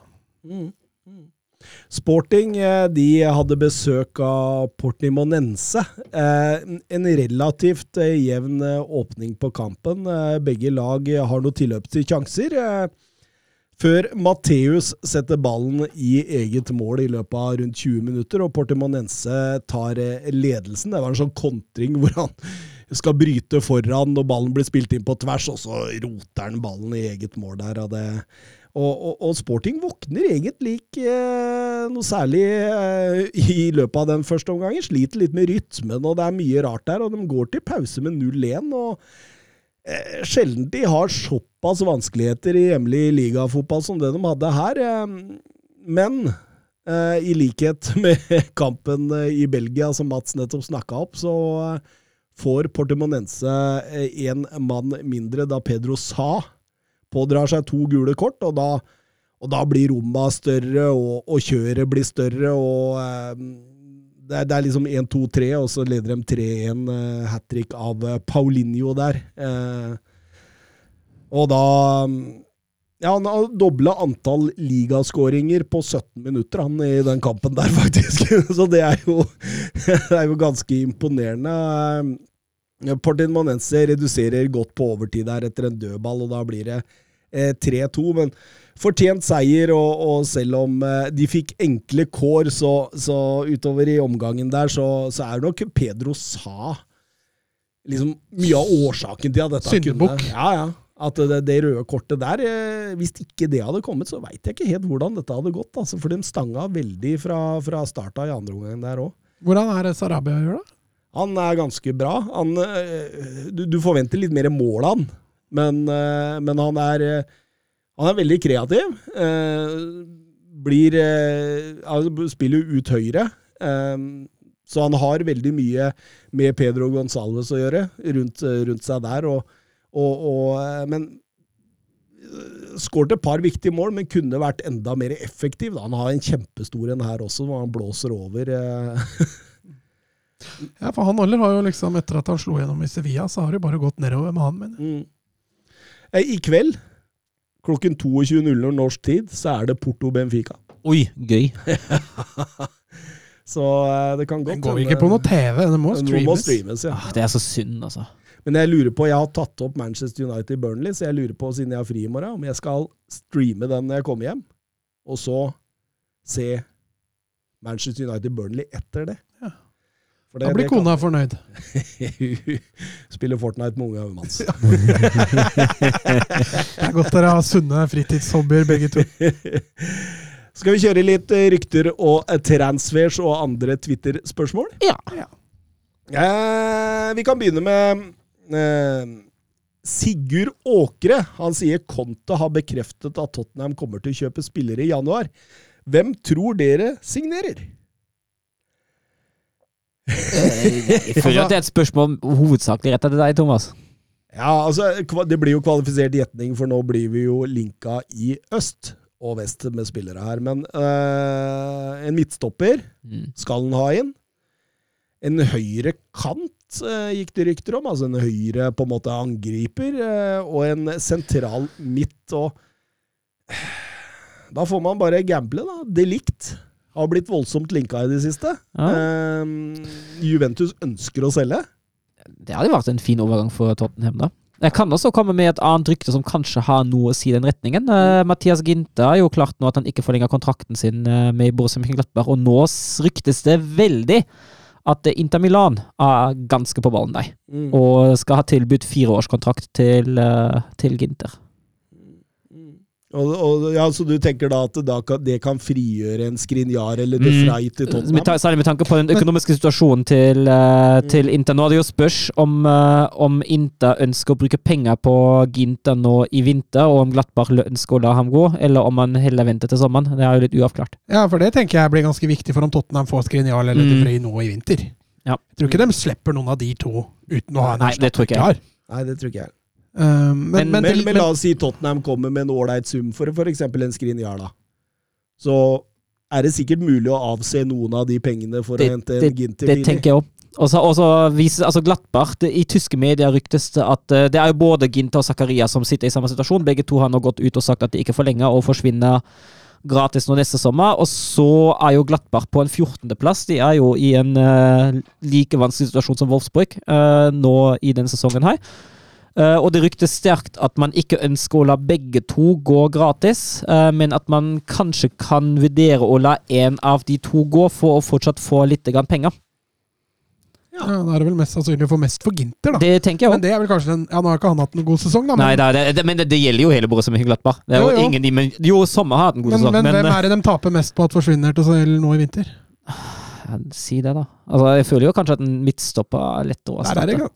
Er kritisk, der, da. Ja, Hvis de mister Ginter. Men Ja. Ja, vanskelig å si. vanskelig å si. Men uh, hele Glattbach-systemet beroper seg jo egentlig på å kjøpe inn og selge dyrere. Uh, og det får de ikke mulighet til nå. I tillegg kommer det nå nye spøkelseskamper uten tilskuere i Tyskland.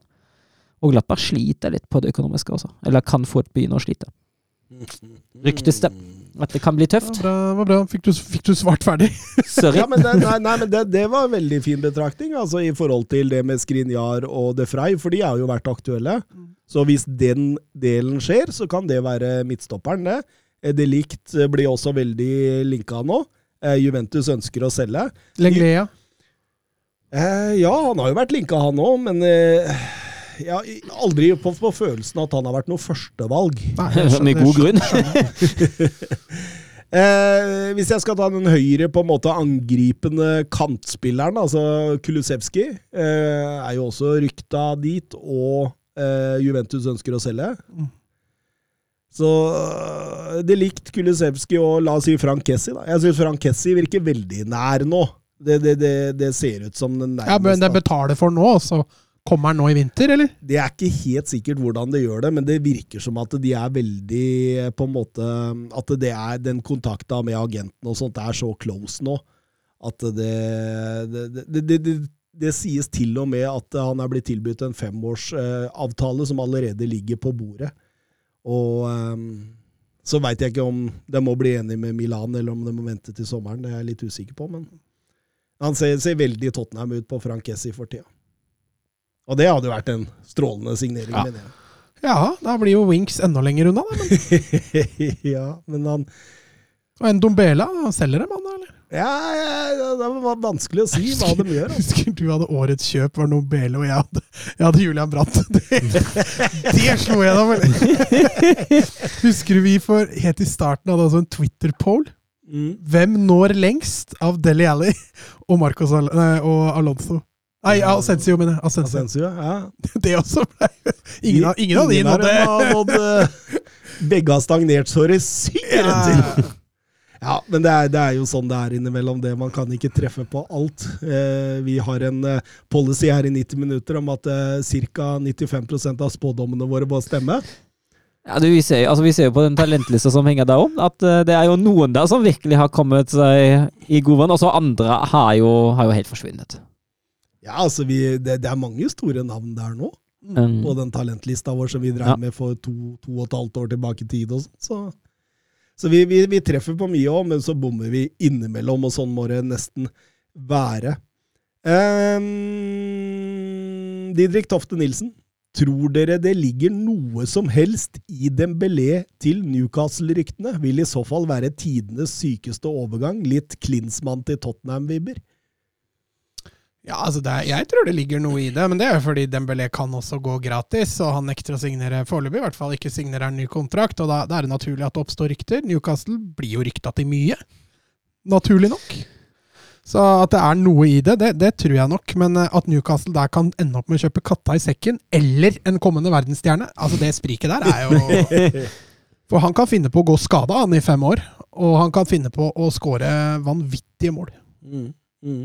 Det kom mange, mange rapporter i dag om at eh, kontraktsforhandlingene med Barcelona har stranda fullstendig. Såpass, ja. Mm. At de, de er så langt unna hverandre, og at Barcelona skal være sjokkert over lønnskravet til Dembélé, samtidig som Dembélés representanter sitter på andre sida av bordet og sier dere casha ut 55-65 millioner for Ferran Torres for ikke så lenge sida.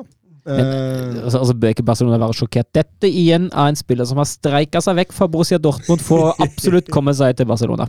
Ja, Så at dette er en spiller som, uh, som er villig til å gå ganske langt for å få sine krav oppfylt, det bør være ganske tydelig. Ja, altså Dembélé og, og Coutinho for så vidt ender jo opp til å bli gedigne flopper, fordi det de har prestert i drakta, har vært under egentlig enhver kritikk, og ender opp med å gå for slikk og ingenting, så Men, men jeg, samtidig, da, jeg tenker at Dembélé er det greit å få bort. Jeg tror Han, han møter ikke opp tidsnok på trening, han spiser ikke bra mat, han, han spiller Han gamer jo til langt på natt. Han hadde hørt det også, han hadde hatt invitert til bryllup, og ingen måtte, fikk lov å bruke munnbind. ja. Så der var det jo covid-19, og det er, det er jo bare Coleman. Så det var litt det jeg sa. Jeg håpa egentlig for lenge, men kun for å selge den til sommeren. Det hadde vært det beste, men det, det ser nok ikke ut til at det går. Eh, Men jeg tenker også, hvem er det som skal tørre å ta i han, da? Juventus vil. Ja, Juventus de tar jo i alt da, som er gratis. Og, og PSG skal vel følge situasjonen nøye her. Det skyldes jo kanskje mest at en fransk landslagsspiller. Nei, Det blir spennende å se hva som skjer med Dembélé. Jeg, jeg blir veldig overraska dukker han opp på, på Tyneside. Altså. Jeg blir veldig Ja, men altså, det var, hva var det? Jeg tror det var en eh, engelsk kommentator som eh, Eller var det kanskje Eivind Biskosund, jeg husker ikke, men det var en Wolfsburg-kamp da det var noen løse rykter om uh, Vord Verhorst og Newcastle, og så sa kommentatoren at ja, det er da spiller nummer 501 som har rykta inn til Newcastle nå til vinter, så ja, ikke sant. Eh, Manchester City derimot, de ser ikke på noen erstatter til Ferran Torres. Pep Guardiola sa i et intervju at eh, de ønsker å bruke Cole Palmer i hans eh, plass i troppen, og at pengene etter hvert skal brukes til en nummer ni, men at det ikke kommer til å skje i vinter. Fordi det markedet er sånn at du, du, du får ikke kjøpt de beste niera. Vinterovergangsvinduet er jo vanskelig i Europa. Og så, sånn er det bare. Og det er jo det er som det er, at uh, du får ikke en Haaland eller en Kane eller en Mbappe i løpet av et vinterovergangsvindu. Bare se for meg nå at de sitter og stabler opp pundsedler Mm. på rekke og rad og skal sende dem til, eh, til Dortmund. Det er Nå så er jo at, altså Haaland gikk jo i vinter også til, eh, til, eh, til Dortmund, da, for all del, men eh, det var jo Haaland på et annet eh, på et annet nivå enn den er nå. For, så ja, du får, du får ikke de absolutt toppspillere i vinter, som regel. Noen unntak, Uh, unntak finnes. Fernandes til, uh, til United. Men av den store spiller fra en stor liga, som regel går ikke det. Nei. Og da utelukker vi jo også Mbappe. Det gjorde han vel også sjøl her nå, med å altså si at uh, Si at eh, at det ikke var aktuelt overhodet å dra til Real Madrid i, i, vinter. At uh, han eh, trives godt i PSG, vil vinne titler der denne sesongen, og så får man se til sommeren. Ja, å vinne fransk serie og fransk uh, cup, det, det er vel en walk in the park for det laget der. Mm. Hadde, men da trekker jo han seg ut av januarmarkedet der. Han ble jo også linka til Tottenham, hørte du svaret hans? Nei. Eh, Jeg er sikker på at Tottenham kan utrette noe stort under Antonio Conte, fordi han er en fantastisk trener, så det er veldig bra for dem. Men for meg så tror jeg ikke personlig jeg kommer noen gang til å spille for Tottenham i min karriere. Det er jo, det er, altså, det er jo et forholdsvis diplomatisk svar, da. Han hadde, du veit han eh, nye, han, eh, han Det gikk en sånn farsott på Twitter for noen uker siden, fordi han nye Spiderman, vet du, han Tom Holland. Holland, ja. Han er jo Tottenham-fan. Ja. Så han møtte jo han på en eller annen sånn prisutdeling, hvor han hadde sagt eh, ta så kom til Tottenham. da. Og den latteren han Mbappe har da, den uh, går Som en sånn meme. Ja. Så det, Jeg så Michael McIntyre. Er ikke han Tottenham-fan? Jeg er litt usikker, faktisk. Du vet hvem det er? Ja, Han komikeren? Ja. Jeg tror han er Tottenham-fan. Mm. Han var i hvert fall på St. Mary's. ja ok. Ja, ja. Ehm, Kanskje han er Southampton-fan. det, det, for all del, det, det kan vi ikke vite. Um, ben Shilwell han må operere og bli borte en stund. Og Um, Stuck med Alonso. ja, nå, nå har de noen planer på gang. Ja. Uh, flere planer, faktisk. Altså, De har både en plan A, en B, en C og en D. Så får vi se hva de ender opp med. Uh, plan A var å signere Theo Hernandez fra Milan. Og det hadde vært en sterk overgang. Eh, Milan ønsker ikke å gå i samtaler og jobber i disse dager med å forlenge kontrakta med Theo, men Chelsea skal ikke ha gitt seg på denne planen. Eh, plan B det er å eh, dra Lucas Dign ut av Everton på lån. Det, det kan jo Ding og Benitez er vel i clinch. Ikke sant? Mm. Og det hadde jo fungert altså med tanke Jeg tror at Ding kunne ha trivdes i en, i en wingback-rolle i Chelsea, og så er det som en overgangsløsning fram til Chilwell er tilbake. Jeg anser jo Chilwell for å være en bedre back enn Luka Ding, men uh, jeg føler jo at uh, som, sted som stedfortreder i et halvt år kan det funke kjempefint. Jeg tenker jo det at du vil få et problem når Chilwell etter hvert kommer tilbake fra skade, og du sitter der med både Chilwell og Theo Hernandez. Ja. Ja. Hvis du kjøper TH, ja. Ja, da må jo en av de to nesten gå. ja, det er jo nesten sånn. Det går jo ikke, det. Det er jo ikke sånn at du kan sette en av dem på midtbanen. Eller, liksom. Mm -mm. eh, plan C. Hente Nicola Tagliafico. Det hadde jo fungert fint, det òg. Er jo brukbar back, han òg. Mm. Og det er jo en spiller som du faktisk kan sette på benken bak Chilwell òg, i hvert fall i store kampene, og så få han, uh, få han uh, minutter innimellom. Ja. Jeg har jo lurt litt på når han skal forlate ja. Han har jo vært rykta ofte. Ja. Når et lag i Premier League eller et storlag har trengt en venstreback, så er ofte han sitt navn samme Grimaldo. Da. ja, det er stort sett deg som har rykta de der. der. Nå, nå får du se Grimaldo i kveld, Mats. Nå får du kose deg med det hvis du gidder å streame. ja, vi får se. Eh, plan D hente hjem Emerson eller Ian Madsen fra lån. Madsen er vel ikke god nok. Nei, de Emerson, det. Hæ? Er Emerson god nok? Nei, men han er ikke bedre enn Madsen. da. Jo da. Han er i hvert fall mer etablert. Mm. Chelsea har vel 72 Nei, spillere på lån, så det blir- hva tror dere er den beste avtalen for Jeg syns Chelsea? Lingen hørtes fristende ut, jeg. Men altså, det er klart, hvis du kan få Theo Nandes og så kan selge Chilwell til en eh, ganske høy penge til sommer er ikke, Det er ikke det dummeste, det heller. også. Altså, det Nandes er jo en fantastisk salg i en wingback-system. kan du Hvor finne- mye tror du det koster? da? Ja, Det koster jo ganske mye. Ja. Ja, og så tror jeg nok de engelske spillere er jo verdt mer, da. Ja. Det å selge en venstrebekk Hvem har storlaga i Premier League? Ja, City, da. De trenger jo en venstrebekk. Ja, hvis du, hvis du Ja, flytter Manchester Cancelo United også, kanskje? Ja. Ja, De har jo Luke Shaw er jo, er jo han er bra. god, han ja. er god, han. Ja, men han har jo vært bra siste året halvannet. Ja, han er tilbake i eh, Han er tilbake i den formen han var før siste året halvannet. Ja, det er bare, so- bare under Solskjær han presterer. Det er helt, det er helt riktig. Han liker å få hårene sine kjemmet eh, medstrøms. han må spi få lov å spise den Burger Kingen han vil, og sånn, så er vel han fornøyd, tenker jeg. Eh, Wolfsburg, eh, Søren, jobber fortsatt hardt med å hente Ricardo Ja. Pepi. Det høres ut som at i- godt i gang i kulissene. Koster nok en del penger. 15 millioner euro var det ryktet nå, så ja. Men jeg vil gjerne ha han, ja.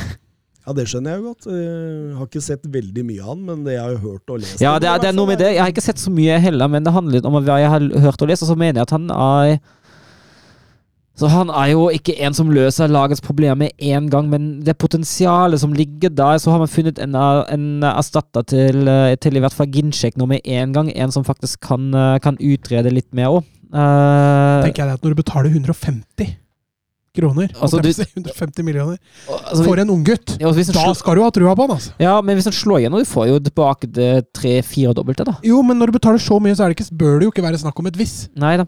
Det bør være snakk om et når. Nei, ja, for all del. Og Derfor tenker jeg det er grunn til å være enda mer optimist også. fordi Mm.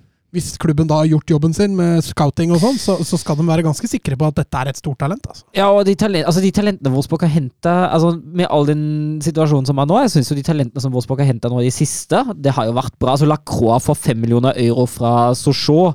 Eh, En Bialek som har vist seg å være, være en brukbar, for, brukbar, i hvert fall et tillegg til, eh, til troppen som kan komme inn og utrede litt uh, fra Polen før han eh, fikk dessverre korsbåndskade og sånn. Altså, jeg føler jo at Wolfsburg har ikke bomma uh, på overgangene til, uh, til, til litt mer ukjente talenter. Ja, Metcha var vel Ja, var jo også, var også bra, bra, bra overgang, det der. Han brakk dessverre ankelen, da. Men, Ja, Eller først og fremst managerposten Wolfsburg har bomma. Ja, fryktelig. Og det jo, det helt. Altså, det, er, det er jo noe med det at overgangsvinduene altså Jeg satt jo og skrøt av overgangsvinduet, og det mener jeg fortsatt at overgangsvinduet har vært bra. Ja, ja, soleklart. Uh, men når jeg klarte å hente fram Bommel og Kåfeld da, ja, Jeg veit hva. Jeg må drikke litt mer øl. Må, du må ta seg en, en liten sluk her, nå orker han ikke mer.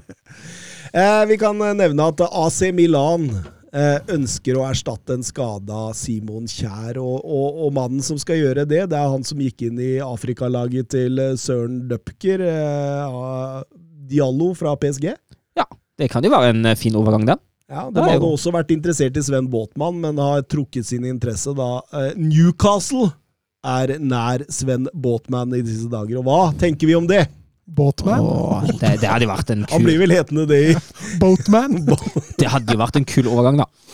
Altså, er det jo, altså, er det jo, altså Hvis det skulle skje den Newcastle rykker ned, og man eh, er litt fornuftig i kontraktsforhandlinger nå og får med seg båtmann videre, det her man bygger på en måte, man har på en måte bygget grunnlag til et lag som kan videreutvikles også. Ja, så er vi inne på Der hvor det er mest prekært, er å få inn stoppere, og, Mm. og, og Båtmann har jo et uh har jo et potensial som, som er ganske høyt. Så jeg ser på det der som en ganske ideell Newcastle-signering.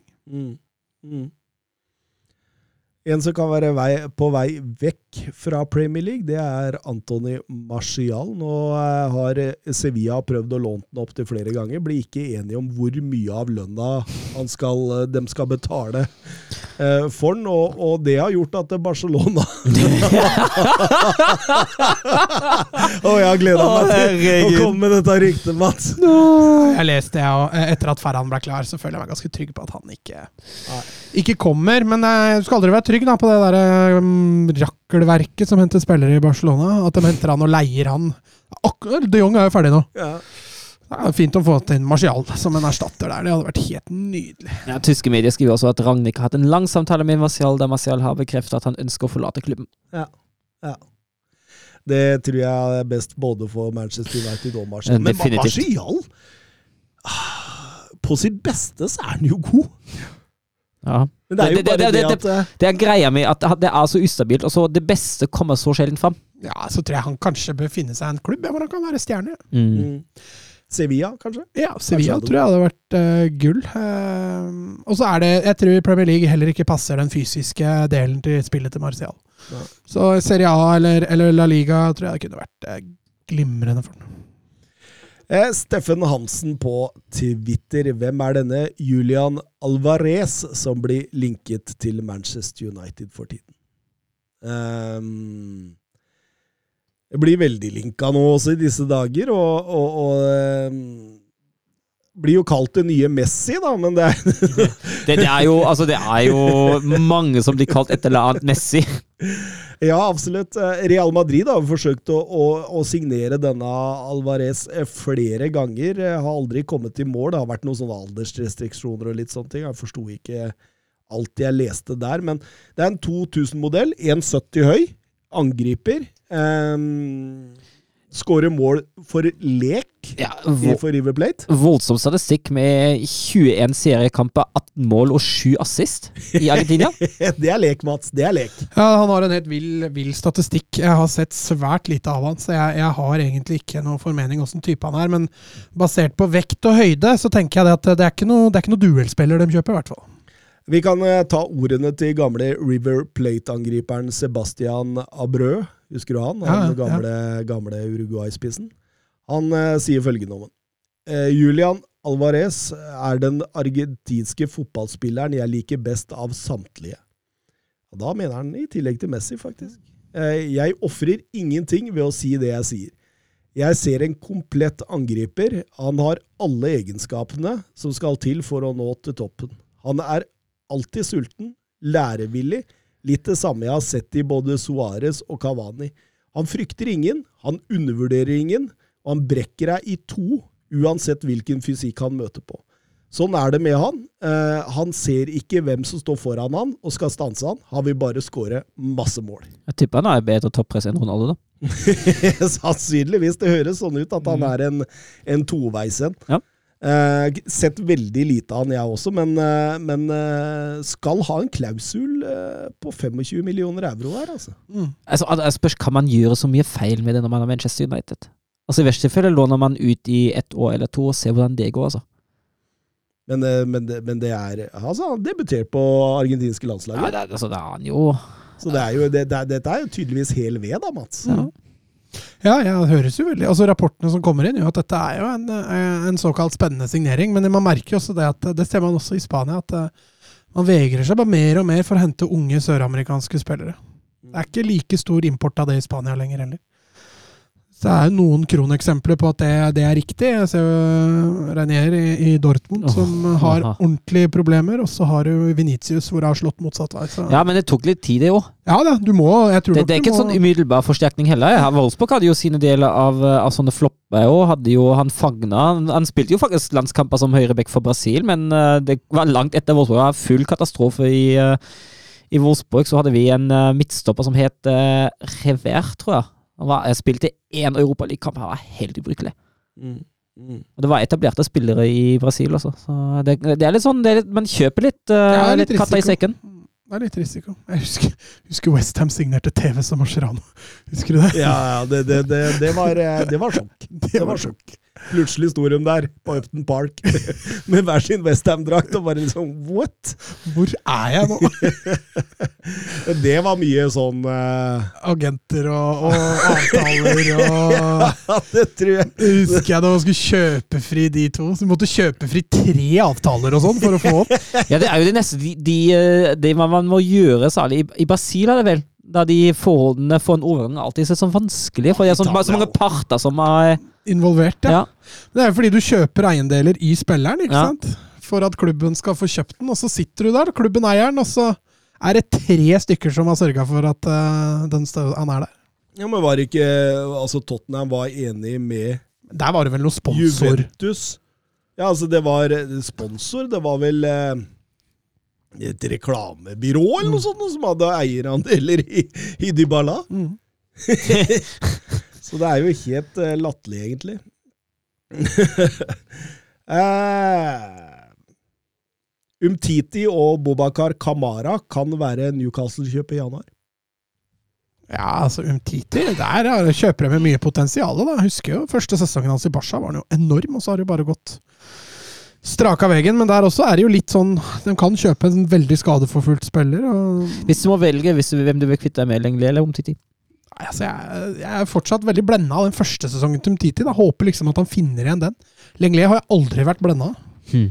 Så eh, Nei, vær så god, Lenglet. Det ser ut som uh, Savi i hvert fall ønsker å kvitte seg med Umtiti. Ja, men jeg forstår Det er liksom litt lett å forstå det med tanke på skadehistorikken. At det, det er ikke en spiller du kan legge for mye lit til. Mm. Mm. Eh, når vi er inne på Barcelona mm, Ferran Torres! Vebjørn Fredheim, hva tenker Mats om at Savi ønsker Morata som Barcelonas nummer ni? Bedre Jeg enn er Martial? mer, eh, mer positiv enn deg, da. Det kan jeg jo kan jeg jo si. Men eh, det er klart at Morata det er jo et nytt bomkjøp. Det kan vi jo annonsere allerede nå. Men, men eh, han er hakket hvassere enn de Jong. Han er to hakk hvassere enn Braithwaite. Ja, omvendt. To hakk hvassere enn de Jong og ett hakk hvassere enn Og så jobber han bedre enn Depay. Ja, det gjør han. Ja. Du får, en mer, du får jo en sånn der Jutkla-type, bare mer eh, erfaring og rutine, da. Men, eh, men han også begynner å dra på året. Altså. Det er et kjøp jeg håper man unngår å gjøre. Um, og heller satse på ungdommen, altså. Ja, det sies jo også at de er ute etter de kontraktsløse I hvert fall til sommeren. da. Uh, Andreas Christensen da spiller Cueta. Ja, jeg leste også at Barca skulle i møte noe med Mino Raiola. Og da var det flere spillere som skulle diskuteres. Oi, typ oi. Haaland og de likt, blant annet, og Christensen og Spillikveita. Så vi får se. En høyrebekk det er jo Barcelona nærmest så desperat etter til at der er jo prisene jacka opp noe sinnssykt for at hvis Barca begynner å lukte på en høyrebekk. Så det er like greit å hente noe gratis. Altså Jeg hadde ikke takka nei til Spillikveita. Han, han tror jeg Der får du varene. Men igjen, da, da funnet du en spiller som er passert middagshøyden, og vel så det. Mm. En annen som har en kontrakt som utløper i sommer, er jo Hugo Loris. Eh, Conte sa senest i dag, han er vår kaptein, han vil bli hos oss. Jeg er sikker på at klubben finner en løsning. Men det begynner å dukke opp en del NIS-rykter nå, det, det er jo Hugo Loris sin hjemby. Det er der han er fra. Eh, sikkert der han har lyst til å avslutte karrieren. Nis er jo ikke en ufin by heller. Nei. Hvor gammel er han nå? 34? Han blei 35 i Roma. Oi, såpass, ja. ja. Mm. ja. Så da begynner, altså Keepere kan jo spille litt lenger, så det er jo mulig at han fortsatt har tre, fire, fem gode år i seg. Altså. Men Jeg, jeg, jeg syns han bare blir bedre og bedre for det. ja, jeg, altså, jeg ser jo ikke noen grunn til at han skal gå til NIS nå. Det kan han fortsatt gjøre om eh, to-tre år. Altså, det er jo Det blir jo Hvis han skulle miste Hvis han skulle bli dårligere med alderen etter hvert, så blir det jo naturlig at Tottenham henter inn en ung utfordrer etter hvert, som han kan, eh, kan duellere seg med. Og da er det fortsatt muligheter for ham å gå, så jeg ser egentlig ikke noen grunn til at han skal forlate Tottenham nå. Konta har i hvert fall ikke gitt mye tillit til Golini. Det, det kan man si. Nei, men, men eh, han kan ikke være veldig overraska over det, heller. Nei. Altså, Det var jo et svakt ledd i Atalanta. Du konkurrerer med en av Og- kanskje verdens beste keepere. Altså. Altså selv om, selv om Loris skulle gå til sommeren, jeg kan ikke se for meg at Golini blir den nye førstekeeperen til Tottenham. Allegri. Vi må ha litt Allegri. Ønsker å kvitte seg med hele seks spillere i januar. Såpass! Rabiot, Arthur, eh, McKenny, Bentancour, Ramsey og Kulusevski er alle han har ønsket. Ja, Arthur så jeg var sterkt rykta til Sevilla, blant annet. Så det er en god del av den sentrale midtbanen. Ja, det, og da har han jo sett det jeg har snakka om, da, at den Mm. sentrale midtbanen fungerer jo. Men hvem vil ha inn, da? Han må jo få inn nye, da. Ja, Dembélé, da.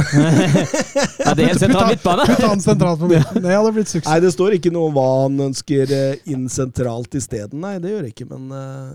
Kolosevskij Kulusevski, jeg syns det er litt Ja. Det hadde jo vært, det kunne vært en Dembélé-erstatter. Ja. Men uh, jeg er enig med Søren. Det er litt tidlig å kvitte seg med å gi opp han. Ja, jeg er enig. Mm. Eh, Rafinha har blitt sånn Bayern München, Liverpool, Bayern München, Liverpool, Bayern München, Liverpool. Sånn har det blitt hele veien. Hovedpersonen sier jeg kommer aldri til å kreve å reise fra Ellen Road, og tar disse linkene fullstendig med ro. Hvis han mener det, så tror jeg Leeds aldri kommer til å selge. Nei, det, det, det tenker Nei, det, jeg. det, blir jo, det blir jo Hvor lenge har han kontrakt igjen, da?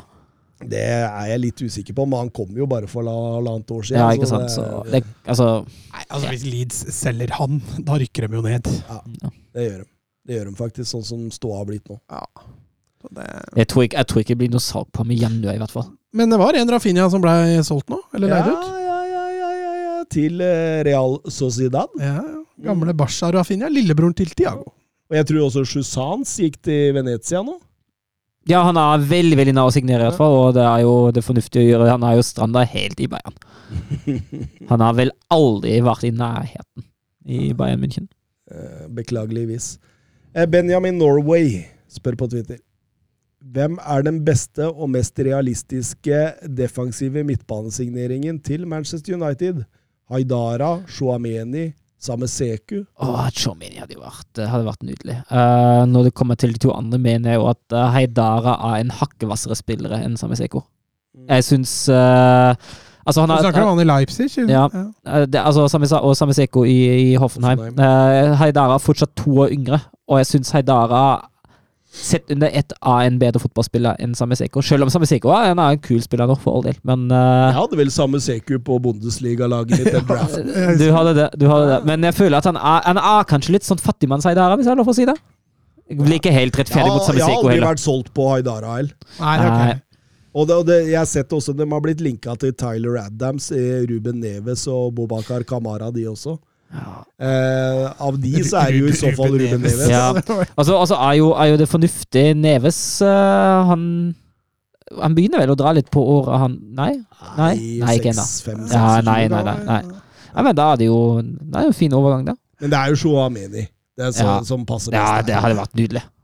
Han hadde passa inn mange steder, da. Og da får de en toveis òg. Mm. Altså en som er litt bedre og kan dra med seg ball litt eh, fremover i banen også, ikke bare det der ah, Altså fordi Samaseku og Haidara syns jeg er jo ganske Altså de er jo mer balanserende. Ja, enn de er, de, de, er med, de er med Der sitter du med igjen en Altså ja, ja, det sitter jo igjen med en som, som, som tetter det rommet. Dette var en som hadde vært helt perfekt for Manchester United? Declan Rice. Ja, for eksempel. Men også uh, Sergej Milinkovic-Savic.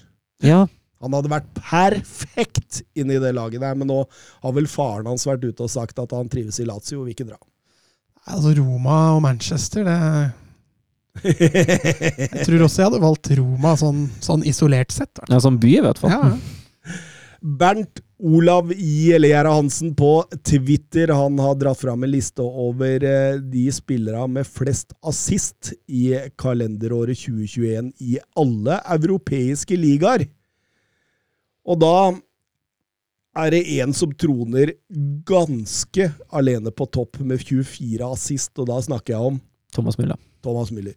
Han, eh, han har fem mer enn Kostic, og så har han ti mer enn Paillet på de neste listene. Og, og Trent Alexander Arnold og Messi og sånt, de figurerer der også, men ganske langt unna. Og han spør hva sier dette om Thomas Müller? Ja, ganske mye. Han har jo vært, eh, han har vært enorm, og han fikk jo en, eh, fikk jo en ny renessanse etter at Kovac forsvant for Bayern. Eh, han, Han så, har blitt bedre. han har bare blitt bedre og bedre. Han så jo ferdig ut under Kovac. Jeg hadde ikke tro på at Mulla skulle komme tilbake etter Kovac, men da Kovac forsvant, han slo så til de grader tilbake og har vært en og ekstremt viktig brikke. Ikke bare som, eh, som assistgjenger, han skårer jo også mål. Der er det jo også noe Flick har sett, da, som Ja. ikke så mange andre har sett. Ja, Flick og nå, nå også Nagelsmann, da. Ja, ja. Han jo, han er men, men Nagelsmann arva jo. Jo, jo. Han kom til sølvfatet. Ja, han Jo, kom jo til det litt dekka bord. Altså, hvis jeg bruker Müller sånn som uh, Flick gjorde, Ja, ja. Så, så får jeg jo mye av det samme. Men jeg føler at uh, Müller altså, Müller, altså, det, den gode gamle romdøyta med tanke på de, på de rommene han angriper, den, den er litt tilbake, altså. Jeg tenker at Thomas Müller er en av fotball-Europas mest undervurderte fotballspillere. Ja. Ja. Og det, og, og, og det, det, altså han har aldri vært høyt oppe i Ballon d'Or og sånne ting, men han har jo levert over mange sesonger. Vært på årets lag i Bundesliga bøttevis av sesonger. Årets lag i Champions League flere ganger. Og, men jeg tror det er liksom Med Thomas Müller så tror jeg det er litt sånn Det er ikke sexy nok. Nei, altså Messi teknisk, Ronaldo fysikk, Leva skårer mål, Salah er teknisk osv., osv. Men hva er Müller? Jo, Han er en Han er liksom bare en jævla god fotballspiller med et ekstremt klokt fotballhode. Ja. Altså, det, og, og det, det, de beste egenskapene hans er litt mer sånn skjult. Altså, ikke sant? Du Han gjør andre gode. Ja, ikke sant? Ikke sant? Og, og, og så, så kommer han litt i Lewandowskis skygge, altså. Ja, han gjør jo det. Det er jo Men det gjør han frivillig òg, da. Ja. Men det er jo vanlig i Bayern at man havner litt i Lewandowskis skygge, i hvert fall som offensivspiller. Men det å finne rom, åpne Ja. rom eh, Ja, det- det- det er helt nydelig. Romfortolker, var det Ja. ikke det han var? Kjernås. Ja, Ramdøyta, ja. ja. Og den, eh, den er jo han, han er jo så enorm på det der. Kanskje Europas beste på det der. Mm. Mm. Ja, ja, ja. Ja, altså hjelper det jo da når du sentrer til Lewandowski. Du får jo flere assist. Jo, jo, for all del. Altså så Sentrer du til de Jong, så får du ikke så mye assist. Hvis du skjønner hva jeg mener. Og så spiller du da i tillegg for Tysklands klart beste lag, så Jo, Altså, Jeg skal ikke ta fra Müller noen ting, for det er en, som Thomas sier, det er bare å slutte seg til hyllekoret, men eh, eh, han, han får også litt, uh, litt servert når han spiller i den rollen han gjør, og spiller med de spillere han gjør, og i den ligaen han gjør. Så um, all honnør til Miller. Mm. Mm. Jeg er helt enig. Helt enig. Uh, strålende. Eh, siste Twitter-spørsmål for dagen, og det er vel det vi kommer til å bruke lengst tid på, tror jeg, nå. Det er bra vi har passert 1,40, da. 1,40, så ja, men da er vi under to timer, da. Og så- Men du sa vi skal bruke lengst tid på det? da? Ja, vi kommer til å bruke lengst tid på dette av ja, alle Twitter-spørsmål. Twitter-spørsmål, da. Oh, ja, sånn. Ok. Hva er du helt fjern i dag? Nei, jeg, jeg valgte å ikke høre på deg. Du, du tok det valget idet du gikk inn i studio. At nå skal jeg, jeg skal ikke høre på noen av ordene, jeg skal bare tolke mine egne Twitter-spørsmål og mine Skal jeg egne bare kjøre eget show, tenkte jeg. 90 minutter med Mats Granvold i dag. Eh, Twitter eh, Oskar Carveio Holme. Flott. Kontinent 11 sist episode, sier han. Eh, Takk for det. Hva med et World eh, 11 for 2021 dere blir enige om? Nominer spillere og slåss inn deres alternativer til det beste laget i 2021. Morsomt. Det, Det er Da, da kan det bli litt diskusjoner her. Altså, dette er årets lag i verden 2021. Og så må det være 4-4-2, da. Vi kjører det- vi- vi- 90 kjører. minutter. Ja, vi gjør det. vi gjør det. Og da begynner vi bakerst. Ja, da blir det vel Courtois, da, siden dere krangla inn han sist. Så, Ja, altså, jeg synes jo Courtois altså Hvis man ser hele 2021 eh, Det Courtois har vist i 2021 Han har jo vært ekstremt god for Real Madrid bak deg. Eh, og jeg ser ikke en keeper som har vært konstant i nærheten av ham. altså. Eh, Donnarumma har vært god fram til sommeren. Eh, litt sånn Messi-syndromet. har falt, eh, falt ganske kraftig i, eh, i PSG. Oblak har falt det siste halvåret. Noia solid, men ikke på samme nivå. Jeg ser ikke noen andre enn eh, Courtois. Nei, du har, du har jo disse brasilianerne, Ja. Edersen og Ja, god, god, god Ederson, keeper. er han med der oppe? Ja, Ja. han er jo topp ti. Ja, topp ti, ja. Ja. Men sånn Nå, nå, nå driver vi og ja, vi skal, vi skal nominere ti stykker. Nei, Altså- nei, nei, det skal vi ikke. Men, Kan du nevne DG og også? Han har vært god i ja, år. De De da. Gea Gea og, og Jorissa har vært Ja. oppi der. Uh, men, uh, men jeg er enig med Søren om at eh, Courtois for meg fremstår som den aller beste keeperen i 2021. Jeg veit du er litt uenig, Mats? Altså, Jeg har jo en forkjærlighet for Noyer, da. Det er jo litt, uh, litt, bare litt det. Altså, Jeg syns Noyer er mer komplett enn Courtois. Men hvis vi ser hver ren prestasjon, da. Ja, men har Noyer prestert Nei, han har ikke prestert Neuer dårlig. Syns han har prestert bra? Nei, han har ikke prestert dårlig, Ja, men det, er- det, er- det er liksom Det Courtois henta fram i Mm. enkelte av de Real Madrid-kampene for å bare vinne alle tre poengene. Av, av hvor mange ganger har vi ikke sittet her og sagt at eh, ok, Real Madrid vant en ganske jevn kamp fordi de hadde matchvinner foran og matchvinner bak? mm. Det har vi jo sagt en million ganger. Jo, jo, men, men dette er ikke en fanesak for meg. Altså, altså Courtois fortjener en plass på årets lag. Så jeg gidder ikke å krangle på dette. Nei, ok, da, da, da, Så Du kan bare spikre Courtois. Det er ikke, det er, Neuer er ikke så viktig for meg. Altså. da, da går vi over til høyrebekken. Kan vi ikke starte med venstrebekken? For jeg føler at venstrebekk-valget avgjør høyrebekken. Ja, du tenker det, Ja. Ja, Det gjør jo det. Ja, det gjør det, fordi altså, vi har eh, Vi, vi snakka så Vi vidt juksa om litt. det. Vi, Ja. Altså, fordi på venstrebekkene der, der er, Det, det finnes mye gode fotballspillere, mm. men både Cancelo har spilt en del venstrebekk, og Alaba. var de vi landa på til slutt. Vi Ja. hadde vel også Robertson Og oppe, Davis. Og Davis, og Davis, ja. Kanskje Theo Hernandez kan nevnes, men eh, ja. Mm. Og da vil jeg i hvert fall ha inn Cancelo der. ja, og de frigjør også plass på høyrebekk til, eh, til en annen spiller der, så eh, jeg støttes den. kjører Alaba på høyrebekk, da. Eh, du er enig, Mats? Ja, ja, jeg er med på Det har vel ikke så mye å si hvis vi ble to mot én uansett, men Nei, eh, For da får jeg inn min mann på høyrebekk, så da er det greit. Ja, du gjør jo det, fordi da, da Altså, de, de det kunne stått mellom da, for min del, da, det er jo Trent Alexander Arnold, eh, Akraf Hakimi og Reece James. Ja, men da føler jeg at Arnold er et stykke framover de to andre også. Det er jeg helt enig i. Og der, det, det, da virker det som vi er enige på backplassene. Mm. Eh, da må vi ta stoppera. Der bør det oh. bli litt mer diskusjoner, tror jeg. Ja, for altså, det, det er jo mange som har prestert godt. Altså, van Dijk er jo litt som Bob Bob, da. Ja, men altså, ja, Han spilte jo ikke fotball før august. liksom. Nei, der, spilt, derfor mener jeg vi må slette den herfra. Mm. han har jo kun spilt fra august til nå, altså. Men en som jeg mener er benkers på laget, Rom Diaz. Mm. Det, det Rom Diaz har prestert i hele 2021 for Manchester City det, Fy fader, det, det har vært synd om. Det har vært synd. Jeg- jeg- Det er første, første som bør inn der. Det er jeg helt enig i. Eh, er du enig, Mats? Ja. Da tar vi Ruben Diaz, men så må vi finne makkeren hans, da. Og da er det mye Har han ikke vært god sammen med John Stones, da? ja, men nå er han god med Laporte også. Ja, faen, kanskje det er Laporte, da. Ja. Eh, om jeg kan nominere noen? Ja. Eh, så jeg bare drar over en liste her. Eh, Militao, eh, Marquinhos, Varan, eh, Alaba, Opamecano, Kolobali eller Rodiger. Eh, da blir det Markinius. ja. Varan har vært litt for mye skada, men har vært bra i United. Han var OK i Real Madrid. Militao har vært ekstremt bra etter sommeren.